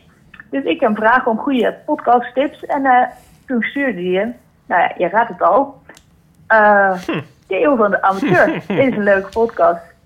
Eh, nou, en hij had gelijk, want sinds een paar weken luister ik dus eh, heel trouw elke week naar jullie podcast. En ik vind het heerlijk om naar te luisteren. Dus ik dank jullie al daarvoor. En ik wil, ja, misschien moet ik deze jongen daar dus ook even voor bedanken. Ik ben zijn naam even vergeten alleen. Jezus, dat is eh, heel romantisch. Ik weet niet meer. Nou, hoe dan ook. Het is, eh, verder was het geen succes. Want eh, ja, we praten nog een beetje verder. En eh, ja, het bleek dat we allebei van film houden. Ik heb een pas. En hij werkt als vrijwilliger in de bioscoop. Nou, eh, heb je dan nog een goede filmtip? En toen zei hij ja. eh, ja, ik weet natuurlijk niet waar je van houdt. Dat zei hij de hele tijd, bij alles wat ik vroeg. Dus dat was wel vrij vermoeiend. Maar goed, oké. Ehm, maar ik heb heel erg zin om. En toen noemde die een of andere Japanse film. Je weet wel van die Japanse animatiefilms, volgens mij. Ja, ik weet daar dus echt geen bal van. Dus ik zei, sorry, die ken ik niet. Aikido? Nee, zo heette die niet. Nou goed, hoe dan ook. ik ken dat dus niet. En toen zei hij dat het dus echt een hele grote klassieker was. Eh, en toen ging hij ook recensies sturen van dat het dus een hele grote klassieker was. En toen zei ik, hmm, ja, oké, klinkt wel erg als een grote klassieker. Sindsdien hebben we niet meer gepraat. Ik denk dat ik ben afgekeurd omdat ik dus deze grote filmklassieker niet kende. Maar ik heb gewoon echt niks met Japanse animatiefilms. Eh, ik had hem laatst nog een vraag gestuurd, omdat hij, hij eh, werkte in de bioscoop waar een film rijden, die ze nergens anders rijden. En toen eh, vroeg ik me af of het de moeite waard was om helemaal heen te fietsen. Dus ik dacht, ik vraag het hem gewoon. Eh, en hij heeft niet meer geantwoord, dus ik denk dat ik definitief ben afgekeurd. Maar bij deze Ja, en dan hij luistert natuurlijk wel naar deze... Hij luistert hier naar. hij geeft het als tip, ja, dus hij dus- luistert hiernaar. Ja, dit is dus neem contact, hoe je ook heet, Ja, neem ja. contact op met Suzanne. Ja, ze, werd afgebroken. Dus Oh, nogmaals, komt dames en heren, lieve luisteraars, eh, hou het kort op de eeuw van. Maar goed, Suzanne, bel dan nog even terug. Oké, ja, en eh, mijn verhaal was dus eigenlijk al af. Eh, oh ja, dus nog een keer met Suzanne. Ehm het was dus eigenlijk al af. Ik wou dus eigenlijk nog eh, zeggen dat, eh, dat ik deze Tinderjongen nogmaals wil bedanken voor zijn goede tip. En jullie wil bedanken voor de leuke podcast. En eh, ik kijk alweer uit naar de volgende aflevering. Tot ziens! Oké, dankjewel. Heel goed. Leuk. Dus Een eh, dateverhaal. Ehm, zullen we meteen door naar uh, Carmen? Ja, ik zat, is, heb jij een soort scrollenleger van de Eeuw van de Amateur op Tinder losgelaten? Wat? Begrijp je? Ik- Het is wel een heel sterk verhaal dat mensen op Tinder nu de Eeuw van de Amateur aan het promoten zijn. Maar ja, ik, ik moet het niet meteen... helemaal scrollenleger. Misschien was ik het wel. Misschien was jij het wel. Was ik het zelf wel, ja. Dag lieve podcastamateurs. Het is Carmen met een eh, verhaal in het kader van, nou, wat een verhaal van 28 jaar geleden. Eh, en het gaat over daten, want 28 jaar geleden gingen mijn vriendinnen en ik graag altijd naar de Wildhoek in Amsterdam in de zomer, want daar kwamen altijd die knappe Italianen. En zo ook op een zaterdag eh, waren vriendinnen en ik naar de Wildhoek gegaan in augustus. En eh, ja hoor, er kwamen twee bloedmooie Italianen binnen. En ze zagen ons ook wel zitten, want eh, ze kwamen naar ons toe en raakten in gesprek. Maar ze bleken helemaal geen Italianen te zijn, het bleken Amsterdamse Turken te zijn. Nou, ze bleven bloedmooi en uiteindelijk ben ik met een van de twee getrouwd en we zijn 28 jaar verder. Dus dat is, een, dat is op zich een grappig gegeven. Alleen het verhaal krijgt een vervolg. Want in al die jaren dat wij eh, op vakantie gaan naar eh, Spanje of naar Griekenland. Zodra we in Spanje zijn, wordt een man aangesproken in het Spaans. Omdat ze denken dat hij een Spanjaard is. Als we in Griekenland zijn, wordt hij aangesproken in het Grieks. Omdat ze denken dat hij Griek is. Dus we zeiden altijd al tegen elkaar. Van, nou, waarschijnlijk ben je niet van een mengelmoesje. Want eh, weet je, het Ben Kingsley effect. Ehm, die acteur die dan Gandhi speelt en die dan ook echt een Indiër is. Maar zodra hij een Ottomaan speelt, is ook een echte Turk. En dat, die heeft ook een, eh, een mengelmoes aan bloed. eh, Russisch en Joods en alles. Dus wat hij dan ook speelt, hij wordt het gewoon. Nou ja, tegenwoordig kan je natuurlijk via my- myheritage.com eh, pakketjes bestellen om je DNA te laten testen. Dus mijn man zei, dat lijkt me wel leuk om te doen. En mijn jongste zoon vond dat ook, die wilde dat ook heel graag weten. Dus ik zei tegen mijn jongste zoon, doe ik het wel voor jou. Ik dan heb je de bloedlijn van je vader en van je moeder te pakken. En ik ben zelf een Amsterdammer met eh Fries bloed en met eh Zeeuws bloed. Dus eh, nou ja, mijn uitslag zou wel helemaal Noordwest-Europees zijn. Nou, na een paar weken kregen we in de mailbox eh, de uitslag. En wat blijkt, mijn man's grootste bestanddeel is, ja hoor, Italiaan. Dus na 28 jaar heb ik toch nog eh, eh, gelijk gekregen dat we inderdaad een bloedmooie Italiaan eh, die nog uh, binnen lopen. En de, de grap was dat ik blijf dus ook niet Noordwest-Europees te zijn, maar ik blijf voor de helft Engels te zijn en voor een derde Viking. En het andere bestanddeel is inderdaad Noordwest-Europees. Nou, wat dat betreft is de, was de realiteit het weekend uh, alom. We hebben er vreselijk om gelachen. En meerdere vrienden van mij hebben het inmiddels ook laten doen. En bij iedereen komt er verrassende uitslagen uit. Dus in kader van, uh, nou, wat een verhaal. Was dit mijn verhaal over daten en het gevolg na 28 jaar. Ja, dankjewel Carmen. Heel mooi. Leuk. Ja, Leuk verhaal. Ja, zeker. Heel goed verhaal. Weet jij wat, weet jij wat je, waar, waar jouw roots uh, liggen? Nee, ik... ik Ooit nieuwsgierig ik, ik, geweest en zo? Nee, ik, ik, dus ik, ik, uh, ik ben geboren in Rotterdam, van Oostendorp, zoals ik, zoals ik heet. Dat is de, de meeste mensen die zo heten, wonen in Rotterdam. Ik weet dat mijn... Is dat, is, dat is een dorp, Oostendorp ergens? Het is, het is waarschijnlijk... Ja, ik werk dus op meerdere instituten, dat weet ik dan toevallig. oh, ja. het is, er is een dorp op de Veluwe dat Oostendorp heet. Ja. Maar het is op zichzelf, dus, dus wat, wat, wat, betekent dat dan precies, Oostendorp? Je hebt ook Westendorp natuurlijk, dat is ook een vrij bekende naam. Je hebt ook mensen volgens mij die Zuidendorp heten. Het, dat waren namen van boerderijen. Dus het was een boerderij die ten oosten van het dorp lag. Een Oh, boerderij ja. die ten westen van het dorp lag. En daaromheen kan dan vervolgens weer alsnog een dorp zijn ge- gebouwd. Dat Ja, is dus, dat bestaat. gebeurt daar op de Veluwe. En dan Dus- kan dat toevallig de naam Oostendorp krijgen bijvoorbeeld. Ja, maar die naam, dus die familienaam Oostendorp, die kan ook net zo goed gewoon alleen Ja, maar komen van precies. een boerderij die eh, ten, oosten, van het dorp uh, uh, lag. En ja, op de een of andere manier zijn die dus in Rotterdam terechtgekomen. Ik weet dat mijn, nou ja, ik, ik, ik weet eigenlijk mijn overgrootvader, die, uh, die werkte bij de verzekeringen. Dat is, wat ik, dat is het romantische verhaal wat ik kan vertellen over mijn meeslepende verhaal over mijn familie. Dat is wel een goed antwoord op de vraag van wat, wat doe je? Ik werk bij de verzekeringen, dat kan je, dat Ja. kan je altijd zeggen. Ja. En er is een soort verhaal dat in de... Er is namelijk een boekje over iemand die in de, in de jaren 30 van de 19e eeuw... in de veldtocht tegen België heeft eh, meege- meegedaan. En die heette Jan van Oostendorp. En dat is een, Jan is ook heel erg een naam in onze familie. Dus er is een soort verhaal dat dat ook familie zou zijn. Maar ook dat is nou niet echt een heel erg... eh, ja, Ik de niet dat kan verzekeringen. aankomen. Mijn, Sorry? mijn moeder, mijn moeders familie was ook eh, is nog steeds verzekerings. Eh, hoe zeg je dat? Uit het verzekeringswezen. We- we- we- familie- ja, Verzekeringswezen. De wondere wereld van de verzekeringen. Ja, mijn opa en mijn oom en nu mijn neef. Ja, maar dit is zijde. Ik zou wel zo'n lunch willen zien op het Meertens Instituut. Dat lijkt me wel grappig. Als jullie, lunch? Ja, het, tenminste, als jullie zeg maar een soort socialize... dan stel ik me zo voor dat dat dan nooit lukt. Dat het altijd dan gaat van... Ja, Mark, ik heb toch eens even gekeken. En eh, van Oostendorp. En dan eh, oh, gaat dat niet zo. Zie je daar dan van alles over meedelen, collega's? Ja, dat het, nee, ja, is dat, dat- eh, geromantiseerd beeld? Ja, ik wou dat, ik wou dat, het, ik wou dat het zo was, ja. Eh, nee, ja, dat, nee, natuurlijk is dat niet Oh, zo. Als je twintig jaar, als je 20 jaar daar werkt, dat je dan iedere dag weer opgewonden Ja, raakt over de ja. achternaam van je Ja. collega's. Ja. Ik zag dat je met een, eh, op een Batavus aan kwam fietsen. Eh, Wist jij dat... Dat eh, Batavus? ja, ik weet het niet.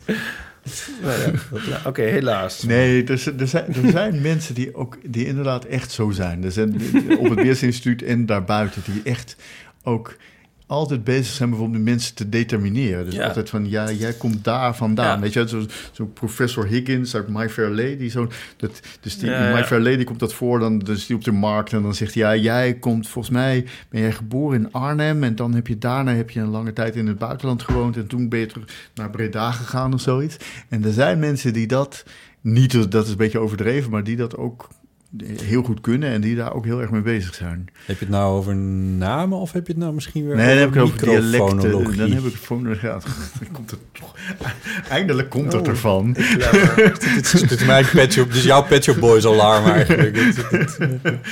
Ja. Ja, nee, dan gaat het inderdaad meer over hoe mensen praten. Ja, hoe iemand heet. eh, zegt natuurlijk wel, zegt er wel iets over, maar mensen zijn in Nederland al zo lang bezig met verhuizen. Dat eh, Ja, hè, er wordt al zoveel precies. verhuisd. Ja. Dat, eh, Ik ben in augustus ook heel lang bezig geweest met verhuizen. ja, dat heeft het eh, naamkundige landschap van Amsterdam danig in de war geschopt. Ja, ja, ja. Ja. Nee, maar, ja, maar, dit, maar dit gaat over de, terminolo- over de determinering eh, van hoe hard spreek je je S uit. eh, Ja. En, dat soort dingen. Ja. ja, ja. Ja. Hoe hard spreek je je Z uit? Spreek je überhaupt nog een Z uit? Of worden dat allemaal S'en? Ja. Ja. ja. Doe nog eens één keer die Pet Boys jingle. Ja, echt? Weet je het zeker? Ik zal niet kijken of hij niet weer zo hard staat. Dat zou een beetje zonde zijn. Nou, moet jij eventjes weer even iets, iets, iets zeggen over de... Ja, anders ja, doet hij het niet nou. zo, Eh, nee, Curious Low van de Pet Boys spreekt met een heel erg een accent uit Blackpool. De Pet Boys. Leuk. Dank je. Ik heb ook heel veel plezier gehad om dit te maken.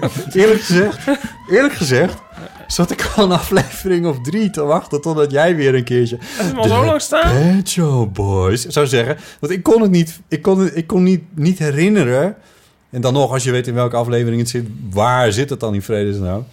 Maar de vorige keer zei je het dus gelukkig weer eens een keer. Op Toen die heb je manier. hem niet gedraaid.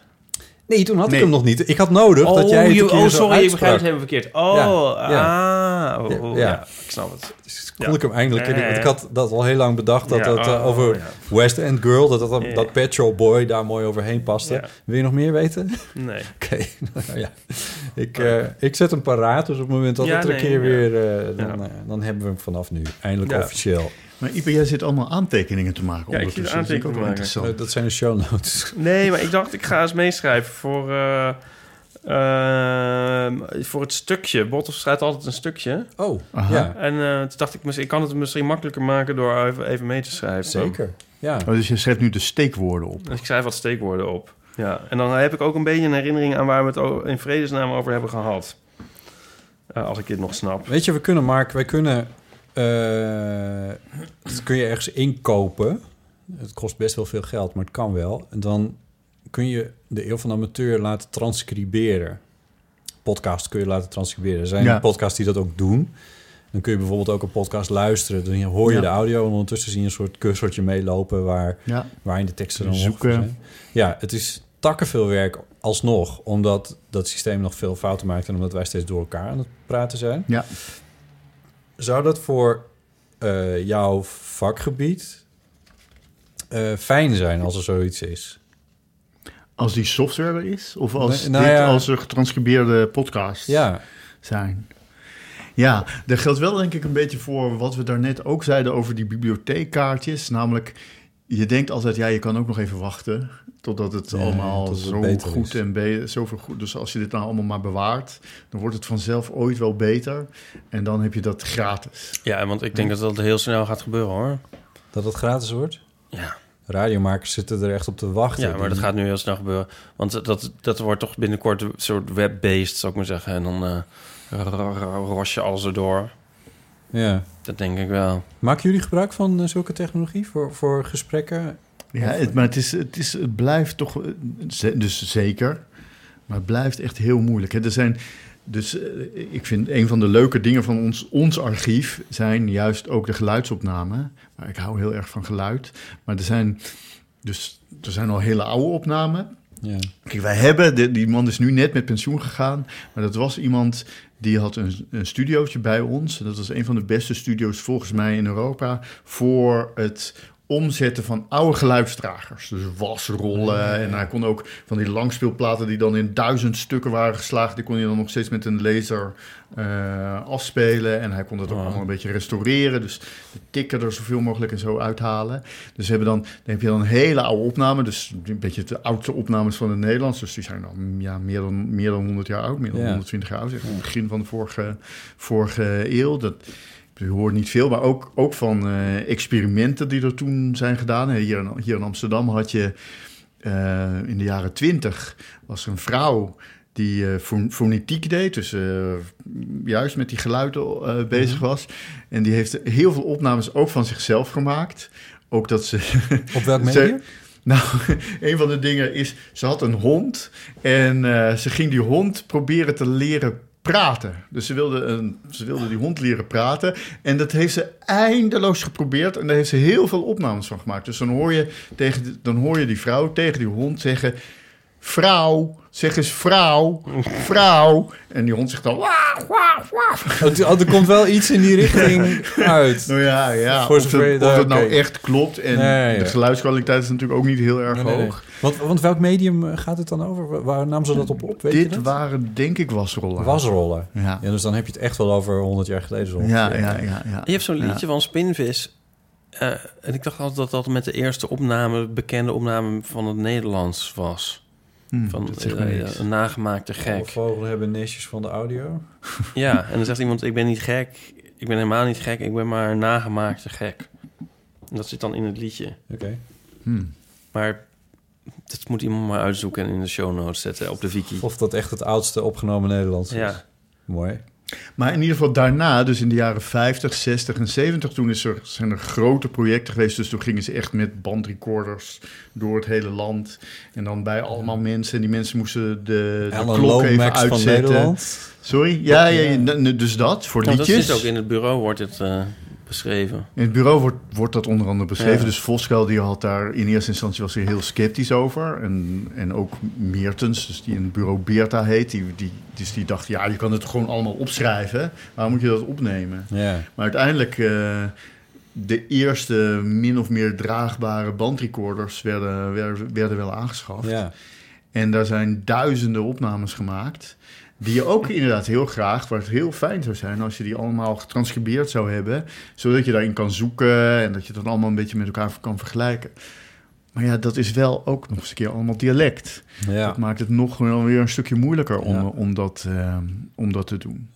Ja. Dus het zou, eh, ja, het is, ja, ik wil niet zeggen dat, het nou, dat ik daar nou s'nachts van droom, maar het is wel, eh, het, het opent wel allemaal nieuwe mogelijkheden. Ja. Maar dat is, ja, we hadden het daar, ne- daarnet ook over, dat is natuurlijk sowieso wel, dat geldt wel voor dat onderzoek naar taal. Dus toen ik student was, zeg maar 30 jaar geleden, dan had je, ja, je moest het toch eigenlijk wel doen met dingen die geschreven waren. En dan nog moest je dat eigenlijk allemaal met de hand zo'n beetje gaan eh, eh, bekijken. Ja. En nu is er zo ontzettend veel. En je kan zo makkelijk ook dingen opzoeken. Het is niet alleen zo Er wordt zoveel gearchiveerd. Ja, er worden ze allemaal niet gearchiveerd. Dat is dan wel Oh, weer ja. jammer. maar, eh, maar tegelijkertijd is zo'n oceaan van, Nee, van allerlei Ja. dingen. En ehm, nou ja, dat, dat, eh, zo'n podcast als deze... Kijk, ook hier, je praat natuurlijk toch ook weer net wel weer een beetje anders dan eh, als die microfoons er niet zijn. Ja. Maar het zit er wel heel dicht in de buurt. Gewoon omdat je niet urenlang, en zeker niet jullie, ieder week in, week uit, urenlang eh, he- heel erg officieel kan praten. Nou, ik wel, maar ja. Ja, jij dan wel. Maar ja, dat, voor jou is dat ook gewoon je nat- natuurlijke manier van doen. Nou ja, nee, maar je hebt gewoon gelijk. Ik bedoel, dat je, je- we, we doen hier niet, niet zo officieel zoals, je in, in, zoals men in Hilversum op Radio 1 eh Maar pra- praat. pra- praat jij nu zelf anders dan in het echt? Nou ja, wat, de, de, vraag is natuurlijk, wat is dan het echt? Ja, ja. Nee, maar is er iets wat jij bij jezelf nu constateert? Of zo dat je denkt...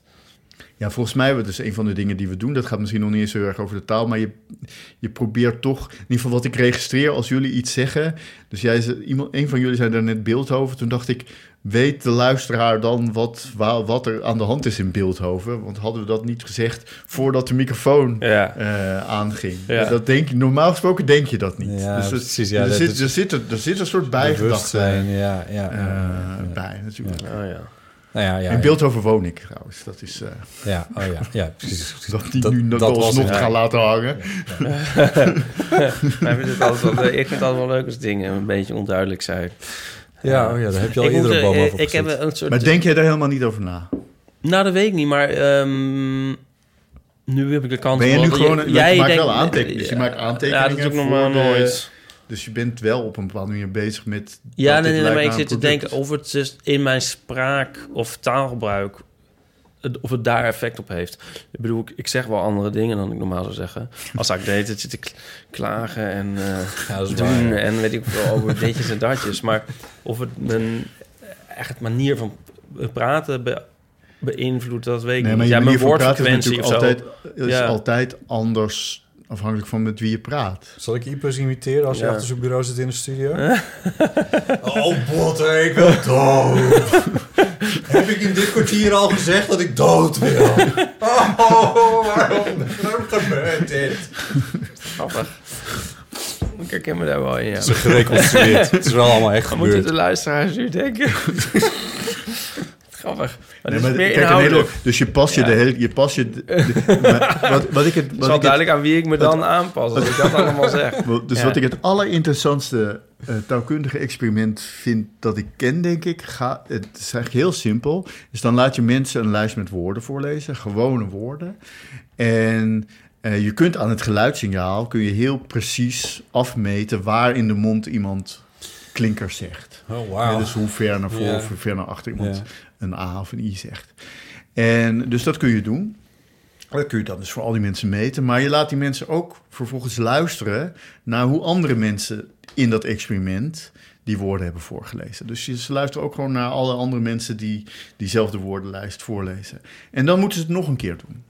En dan de tweede keer zit iedereen dichter bij het gemiddelde. Dus je neemt, je neemt de i of zo. Hoe spreekt de mensen de i aan? De, de tweede keer zit iedereen veel dichter op elkaar bij de Ja. uitspraak van de i dan de eerste keer. En dat is niet alleen maar onmiddellijk nadat ze dat hebben gehoord, maar zelfs als je mensen, ik geloof, een, een, nou een paar dagen, misschien zelfs een week later laat terugkomen, dan is dat effect minder geworden, want ze hebben ondertussen ook weer met andere mensen gepraat. Maar het effect is er nog steeds. Dus het is nog steeds, zit nog veel meer een klompje van op elkaar lijkende klinkers. Ja. En dus wat laat, wat laat dat zien? Dat laat zien dat je wat je doet altijd, dus dit gesprek dat wij nu met elkaar hebben, dat heeft een soort permanent effect Ja, ja, op elkaar. ja, ja, ja, dus we, ja. al- we lijken nu voor altijd een heel klein beetje iets Ja. meer op elkaar in onze, in onze spraak. En dat is een soort ja, dat, dat is zoals ook met lichaamshouding geldt. Hè, dat Ja. je onbewust pas je aan aan je gesprekspartner. En eh, prestige en zo speelt. Daardoor wordt het een beetje asymmetrisch soms. Maar het effect is er altijd. En sommige mensen hebben dat meer dan anderen. Dus die, in, hun, in hun taal ook. Dus die passen zich... Je hebt, je hebt van die mensen die je... Dat kennen volgens mij veel mensen ook wel. Dat je aan de telefoon... dat- dat je kunt horen met wie ze aan het praten zijn. Oh ja. Ja. ja ik dacht dat je zou zeggen dat, je, dat, er, dat er mensen eh, terugkomen van een vakantie Ja, uit de ja, ook Verenigde dat, Staten... ja. en dan ineens eh, overal Engelse woordjes in. Dat doen wij namelijk nooit. Nee. Maar dat ze ineens overal know. Engelse woordjes in stoppen. Ja. Dat, Ik, eh, ik ben wel, volgens Nico Pest maar de hele tijd mee dat ik Amsterdamse zou zijn gaan praten. oh, ja, ja, ja, ook zoiets, ja.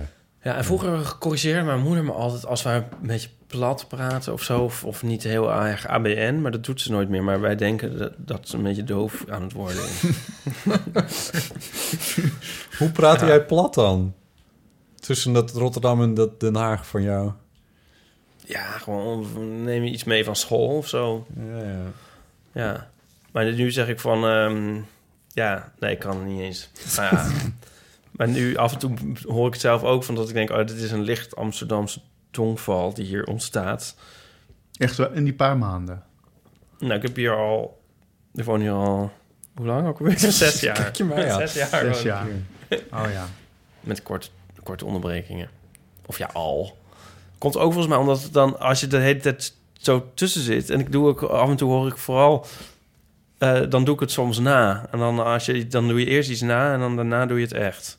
Ja, ja, ja, ja precies. Ja. Ja. Ja, zo leer je het. Nou ja, zo heb ik, zo heb ik mijn Nico begint, er nu, Nico begint er nu zelf ook mee. Nu hoor ik het ook weer bij Nico. Die woont nu wel pas voor het eerst hier. Oké. Ja. Moet je opnemen. Dit moet je allemaal opnemen thuis. Ja, ja. En bewaren. En bewaren voor de eeuwigheid. Ja. Voor Meertens. Ik, zo ben ik van mijn, eh, van mijn zo goed als zo kwaad als dat is gegaan, maar van mijn Friese accent afgekomen. Door heel veel naar Radio 1 te luisteren en al die nieuwslezers na te doen. Oh ja. Ja, dat geloof ik niet.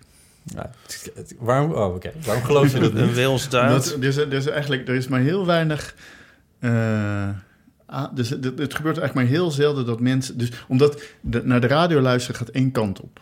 Hè, Dus Ja. je luistert naar de radio, je kan niks terugzeggen. En als dat Maar gebeurt. ik zei wel iets terug. Dat wil zeggen, ik, Oh, je wilt ik- praten met de radio. nou, ik, ik herhaalde wat ze zeiden en hoe ze het zeiden. Ja, dan nog. Het, dus het werkt eigenlijk het beste door met andere mensen te praten. Mhm. Dus die R, waar we het er net over hadden. Ja. Die R, dus dat, die wordt wel genoemd kinderen, kinderen voor kinderen R. Hè, of Oh. Gooise R of zo. Dus de suggestie is heel erg dat dat uit die streek komt. En, Maar het eh, komt ook uit Leien. Ja, Oké, dit ja, wordt wel een beetje een Leidse aflevering, dit. Ja. Eh, mijns ondanks. Eh, Leiden niet is, is, dus, een Le- Leiden- dus er is een verschil tussen de Gooise R en de Leidse R. Dat is toch een... Oké, die, die- de ene aardappel ligt dieper dan de ander. Zoiets. Oké. Ehm, Aardappel. Aar, aar, aar, aar. Wacht even. Aard, Waar waren we? aardappel. Ik zei iets over de radio nadoen. Ja? Dus meestal, meestal heb, wat je nodig hebt is met iemand, echt met iemand praten die terugpraat. Zodat je Ja. een beetje kunt uitproberen of, dat, of het klopt. Ja, dus of, je ja. op, of jij op de juiste manier eh, praat. Dus we hebben... eh, Er is in Engeland wel eens onderzoek naar gedaan naar, eh, dus daar de Gooise R is daar, de EastEnders is een be- bekende soap. Mhm. En in Engeland wordt heel veel wat er verandert in taal, overal, wordt toegeschreven aan EastEnders. Oké, ja. Waarom is dat zo? Ja, EastEnders speelt zich af in East End, dus in Londen. Ja. En dat is gewoon een prestigieus dialect, dus zo willen veel mensen praten. Dus ze hebben wel eens dat onderzocht en hebben ze, ik geloof in Glasgow, dat is echt in Schotland, zijn ze gaan kijken of er een relatie is tussen hoe vaak mensen naar EastEnders kijken en hoe vaak ze van dat soort dingen doen. Een van die dingen is think zeg met een F tegen think. Oké. Dat is ja. typisch, dat is een soort de Gooise R van Engeland op dit moment. Oké. Nou, er blijkt een relatie te zijn. Dus hoe vaker je naar EastEnders kijkt, hoe meer je geneigd bent om think te zeggen in plaats van think. Maar als je niemand anders kent die dat ook doet, dan gebeurt het niet. Ah, ja. Dus het is meer, het is naar de televisie kijken, naar de radio luisteren, kan het versterken. Maar je hebt iemand nodig Ja. om het mee te Juist. oefenen. Ja, ja, ja. Om, het, om het ook te gebruiken. Om het, die, dat, die dat ook... Waar je je aan kan spiegelen. Ja, dat spiegelen is, denk ja, ik. Dat is ja. denk ik wat belangrijk is. Ja, dat, je, een soort connectie creëert. dat je voelt dat, je het, dat jij het goed doet. En dat ja. het niet Ja, ja, precies. Je wordt erin bevestigd. is. Ja. East End Boys en Western Girls. Ja, ja, ja. Western Girls. Hij doet het niet. Nou, jammer. Ja, helaas. Oh. Nou ja. Nou, het is voorbij. Het was leuk, zolang het duurde. Je moet, je, je moet dus bevestigd worden in... eh, dus, maar dan zou, want dan, dan is de cirkel weer helemaal rond. Dan zou eh, dus dat ik zo af en toe I don't know zeg... zou niet alleen bij mij kunnen ontstaan... als Ipe het niet ook ging spiegelen. Als ik er niet in bevestigd werd door Ipe...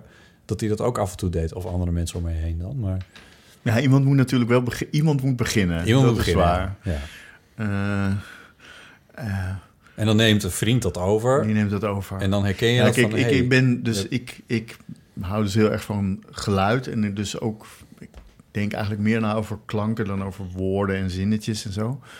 Eh, en het, gaat, het geldt dus heel erg voor klanken en hoe dus de uitspraak van het Nederlands bijvoorbeeld verandert.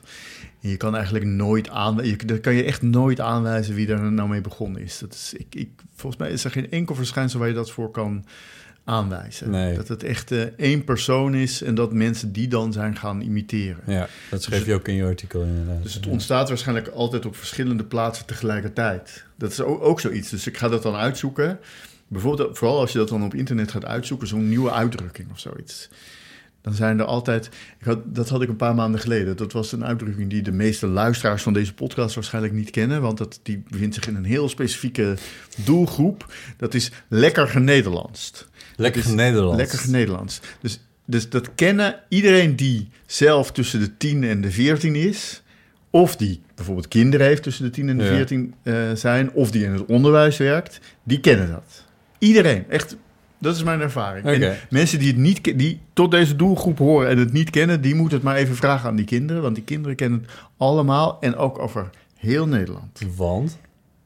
Ja, dat is volkomen onduidelijk. Dus is- niet meestal denk je dan, ja, daar is een of andere vlogger die dat gebruikt. Ja, of zo, of maar dat is, ja.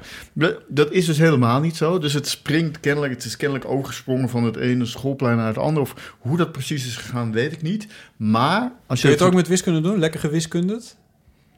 Nee, volgens mij is het... eh, Specifiek Nederlands? Ja, misschien. Bij andere talen weet ik het niet zeker, maar het is iets met Lekker gefranst? talen. Ja, dus je zegt het als iemand iets op een rare manier zegt. Oh, dus, zo, ja, ja. Dus Ja, iemand... dus niet eh, na afloop van een les van jongens, dit was nee, dus even je, dus je bent de moeder van, van een- een, zo'n zo'n zo'n Ja, kind. ja. En je drukt je even een beetje raar uit, dan zegt dat kind, nou, lekker Nederlands man. Ik vind het eigenlijk heel, raar is dat. hè? Ik vind het mooi. verschijnsel. Dus Ja. het is eh, heel vreemd. Heel veel mensen herkennen het. Maar als, je daar, als ik dat dan ga rondvragen, dan ik ben echt verschillende mensen tegengekomen die dan allemaal zeggen met stellige overtuiging dat zij dat hebben bedacht. Ja, oh ja. ja. En ik geloof die mensen ook allemaal. ja. Dus maar, het- maar iemand, is bij één iemand die het, die het echt heeft bedacht. Ja, nou, nee, het misschien kan, dus, het kan Ja. ook, dus het kan ook op verschillende... Het is natuurlijk ook niet zo heel vreemd om dat te bedenken. Je hoeft niet Nee. heel creatief te zijn om dat te bedenken. Eh, dus dat kan. En je kan ook... eh, je hoort iets en dan vergeet je dat je dat ooit hebt gehoord... en dan later denk je dat je het zelf hebt bedacht. Dat kan ook nog eens een keer. Eh, Ik moet, ik moet een heel klein beetje denken, so- sorry, een klein zijsprongetje, dat doen we eigenlijk nooit. Maar eh, Nee. in, eh, nu wel opeens helemaal eh, in ja, de war. bij de boekpresentatie van Paulien Cornelissen. Ehm, we moeten een Paulien Cornelissen alarm maken. Ehm, bij de boekpresentatie van Paulien Cornelissen. Paulien Cornelissen en een zekere hoogleraar in Leiden. En een zekere hoogleraar in Leiden. de, de, bij die boekpresentatie ging het op een gegeven moment over... eh, oh, wie begon er nou? Ik ben het vergeten. Ehm, over de, die kleuren, dat kleurenverhaal. Ja. Over dat je een bepaalde... Ja. Eh, Ja, dus het schijnt dat op heel veel kantoren in Nederland Ja. is een soort kleurencode. Die staat voor, een hoe je bent. psychische gesteldheid. ja, dus als je rood bent, dan, ben je, dan reageer je wat directer en wat... eh, Ja, en Kleding of wat? Nee, gewoon als... Nee, Nee, als je, je kunt zeggen, zo'n- ik ben vandaag heel rood. Of je kunt Oh. een rood blokje op je bureau de denk, leggen. en dan- denkhoede van Edward de Bono? Iem- geen idee. Ik- iemand, iemand heeft dan de karaktertrek geel. Ik zeg maar even wat. Ik weet niet Ja. of geel een kleur is in dat hele, in dat hele spectrum. Het zal bijna wel. Maar eh, de grap was, ik had er ook nog nooit van gehoord. Nee. Toen, ik denk Paulien aan de zaal vroeg. Vroeg, Paulien ja. kwam er zelf mee, dat was het ja. En zij vroeg aan de zaal van, wie kent dit fenomeen? Heel veel Een zee ja. van handen die Ja, omhoog ging. Allemaal mensen die dat allemaal maar kenden. Ik had er nog nooit van Ja. gehoord. Maar dat, zo kan je dus, dat is toch grappig dat je dan ineens bewust wordt van... oh, er ontgaat me eigenlijk best, best veel. Ja. En dat is dus met het belangrijke lekker... dingen ook nog. Nou ja, nou, maar dat dat dus heel groot is eigenlijk. Ja, Ja, maar Ja. dat is zo voor, volgens mij ken ik het ook. dat- Is dat niet van die management oefeningen? ja, dat soort Ja. zoiets. Ja, hoe het precies heet. Het staat allemaal in dat dat boek. Maar, Van vrienden die op kantoren werken. oh ja. En die zeggen, oh, wat we nou weer moesten doen.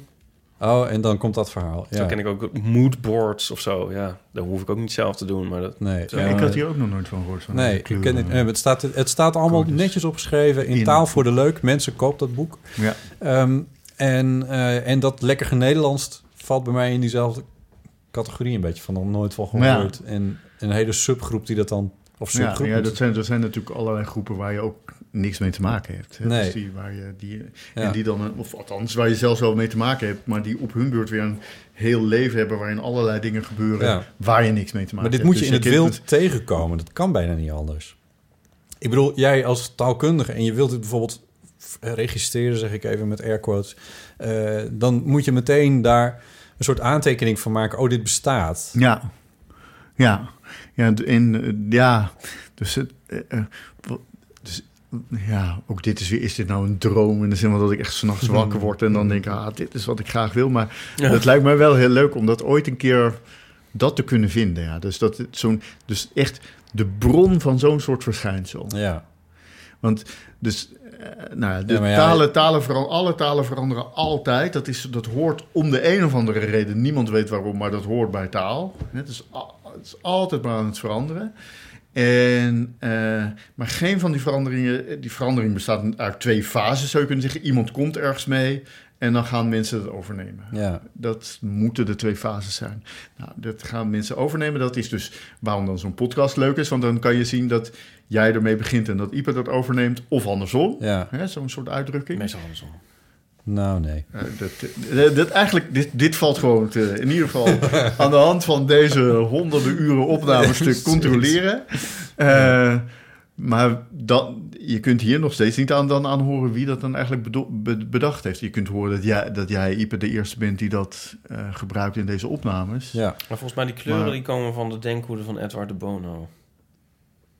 Oké. Zoek, zoek maar op. Ja, nou ja, zoals ik zei, het staat Ja, in tafel. dat hoed op een, een bepaalde kleur wel- opzetten. dat en dan was dan een, een soort rollenpatroon. En na een tijdje zijn mensen die hoeden erbij vergeten. Ja. Ja, maar kijk, dat Nee, is dus echt. interessant, want dit is dus dit is te googlen en te vinden. De oorsprong van de Nijl is ook ergens te vinden. Maar wie er ooit in het Nederlands is begonnen met I don't know, ja, komt daar maar eens achter. Dat is gewoon niet, dat kun je niet nalopen of meten. Nee, en op het moment dat, dat veel mensen het gebruiken, zijn Ja. ook, is er vaak ook eigenlijk ook al veel tijd verstreken natuurlijk. hè. Dus dan, eh, Ja. Ja. ja, je komt er gewoon niet meer achter. Wat een En- afschuwelijk vak heb je. Vreselijk. Ja. Ja. Vreselijk. Ja, maar ja, ik, ik heb toch Vreselijk, een, ja. ik, een ding dat ik nu na al die glazen wijn dat durf te zeggen. Ik weet niet of dat raar is. Ja, jouw manier van spreken. goede wijn. Maar ook, ja, ja, ja, jij doet me dus ook denken aan iemand. Ik weet niet, is dat zelfs vaker gezegd aan René Mioch? Nee, Hè? dat is mij nou nog Oh, nooit De gezegd. filmcriticus. Ja. ja. Ik zat te denken, waar doet Marmer nou, aan wie Ja, doet die Marmer wijn nou is toch denken? niet helemaal goed. Ja, maar Dat was al helemaal in het begin. Ja, maar, eerder week, maar dat heb je dus nog nooit eerder gehoord. Nee. En waarom is jullie dat? hebben niet kan je dat niet samen een benoemen? podcast, nee. Je stem een beetje. Ja, ja stem en een soort uh, het ritme of zo noem je dat. Ritme, Dictie. dik, metrum. Ja. Nou, het is mij ook zelf nog nooit eh, Nee, opgevallen. nee. Ik hoop Dat op ik, veel eh, ingezonden brieven.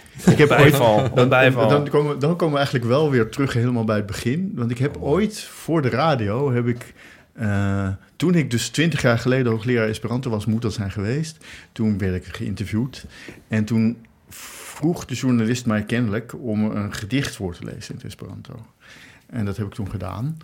En dat is terechtgekomen bij beeld en geluid. Ja, dit is echt, dit Mhm. valt echt de hele, Ja, ja, ja. echt het hele gesprek samen. Het kwam tere- terecht bij beeld en geluid. En toen later, veel later, werd ik weer opnieuw geïnterviewd voor de radio. En eh, misschien ook over dat onderwerp, dat weet ik niet meer.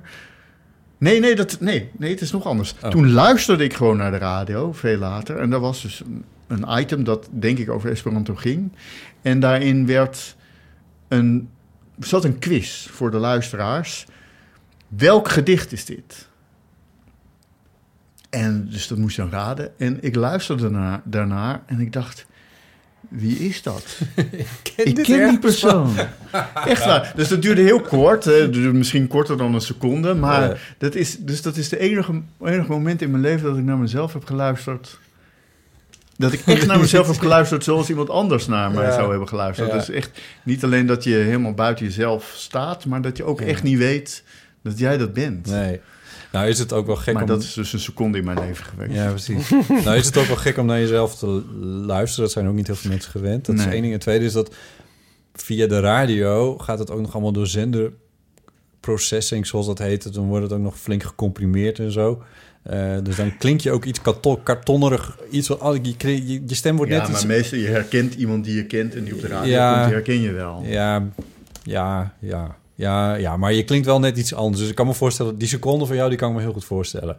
Ja, dus omdat ik er dus nu ook helemaal niet op bedacht was. Nee, en ik was, nee, ik was helemaal vergeten dat ik Ja. dat ooit, dat ik dat Ja. ooit had gedaan. Ja. Het was, als ik me goed herinner, was het to be or not to be. Ehm, en ja, ik, dat was ik vergeten dat ik dat ooit had gedaan. Dus Ah, ik ja. hoorde dat. Dus dan, ja, die denkt ook niet, oh ja, dat heb ik wel eens voorgelezen. Nee, dat heeft, ja... Heel, eh, nou, dus als dit, als dit, als deze podcast over 25 jaar opduikt in een quiz. En jij, en jij, had, jij had weer eens een oratie ergens. nu zijn we echt helemaal rond. Ja, ja, dan zijn we helemaal rond inderdaad. Goed, dan komen we bij iTunes terecht. Eh, iTunes, daar kun je recensies achterlaten, bijvoorbeeld van de Eeuw van de Amateur. Eh, en dat heeft als eh, bijkomend voordeel dat wanneer dat gebeurt... eh, wij hoger in de statistiekjes terechtkomen van eh, iTunes. Dus dat, eh, dat promoten we graag. En daar, daartoe lees ik de recensies dan, tenminste een selectie daarvan. Want we kunnen natuurlijk niet alles voorlezen, dat zal een kind begrijpen. Ehm, dus daar lees ik daarvan van voor. Ik begin met de meest kritische. We hebben vier Oh. uit vijf sterren gekregen van Louise. Fijn met een gast, uitroepteken. Ik vind de podcast met alleen Ipe en Botte een stuk minder leuk. Omdat de mannen dan op een of andere manier heel veroordelend en superieur doen, uitroepteken. Met een gast vind ik het een heerlijke podcast en vooral met Ja. Pauline erbij is het genieten. Nou, ik wilde wel even eh, veroordelend eh, Ja, over een deze opmerking mild- doen. mild pedant, Ja, eh, net, gezellig net alsof dat niet zo is als er wel een gast bij is. ja, precies. Eh, dan hebben we Achterbeschik. Die schrijft super, geeft wel vijf sterren. Erg leuke podcast, vooral de uitzending met Pauline bij. Ehm, dan hebben we Boeiend met eh vijf sterren. Podcast die blijft boeien. Urgentie om te blijven luisteren. Nul. Oh, Nee, dat is, nee Oh, puntje, punt. puntje, puntje. Ah. Ja, dus dat kun je nog invullen. Maar, ja. En dan hebben we Erwin nog. Zo leuk, vijf sterren. Hoi, Botte, Ipe en Paulien. Jullie podcast is super. Ik heb jullie net ontdekt in de grote podcastwereld. Wat zo leuk is, zijn jullie tips over de media slash belevenissen. En jullie humor is fantastisch. Oké. Humor. en, en nu als een gek alles aan het terugluisteren en kijken. En kijken? En eh, dus de komende tijd zit ik in de bus, metro, scooter, auto... en tijdens het rennen met mijn oorbellen in, AirPods. Heel veel succes. En als ik helemaal bij ben met luisteren... kijk ik uit naar de melding op mijn iPhone... dat er weer een nieuwe aflevering is. Groetjes, Erwin. Met kijken bedoelt hij misschien kijken naar al mijn fotostrips.nl. Daar gaan we ook nog een alarm voor maken. Eh Nigenops die reageert nog op Soundcloud. Het enthousiasme van Ipe over het boek van Typex was zo groot... dat ik het vandaag in de boekhandel niet kon laten liggen. Nu maar hopen dat de verwachtingen niet te hoog gespannen zijn geworden. Ja, de commissie stroomt binnen. Ik heb het van heel veel mensen gehoord. ja. Je krijgt er geld voor. Goed, we ronden het af. Eh, oproepjes, levensvragen, dingen die je niet kan googlen. Spreek ze in eh, op de eeuwofoon. Verhalen voor onze rubriek. En nou, wat een verhaal. Eh, zijn ook welkom. Bijvoorbeeld met het thema daten zullen we dat pro prolongeren. Bijvoorbeeld. Ja. Zullen we dat Laten we prolongeren? maar doen, want ik heb echt geen ander thema bedacht. Ja, dat is ook wel een leuk thema, vind Dat is ook een goed thema. Ja. Daar willen Er we moet nog graag. meer nog in zitten, denk ik. Meer ook. verhalen over zeker. Daten dus. Ehm, Ben jij nou iemand van het, van het Tinder-trollenleger van de Eeuw van de Amateur tegengekomen? Ja, Laat het ons weten. Laat het ons weten. Ook verhalen over tijdloosheid zijn, eh, zijn welkom. Als je daar associaties bij hebt, dan mag je zeker ook mailen naar botten.eeuwvandeamateur.nl. Ehm verhalen kun je eh, en eeuwfoonberichten kun je inspreken op het telefoonnummer 0622... Nee, 06, 19... Sorry, ik Is doe het je eigen nummer? Ja, ik wil mijn eigen nummer zeggen. 06... 06... 22? 06... 22? Nee, 06... Ik weet het niet meer. 1990 weet ik niet. Oh, wat goed. 68... 71. Heel goed. Jezus. Ehm, Oké, dat was het. Dank Mark van Oosterdorp. Dank jullie wel. Voor Weer dank. Gastvrijheid. Heel erg leuk. Ehm, en eh, bedankt Ipe Driessen. Ja, graag gedaan. Mijn naam was Botte Jellema. Was? Tot de volgende keer. Dag.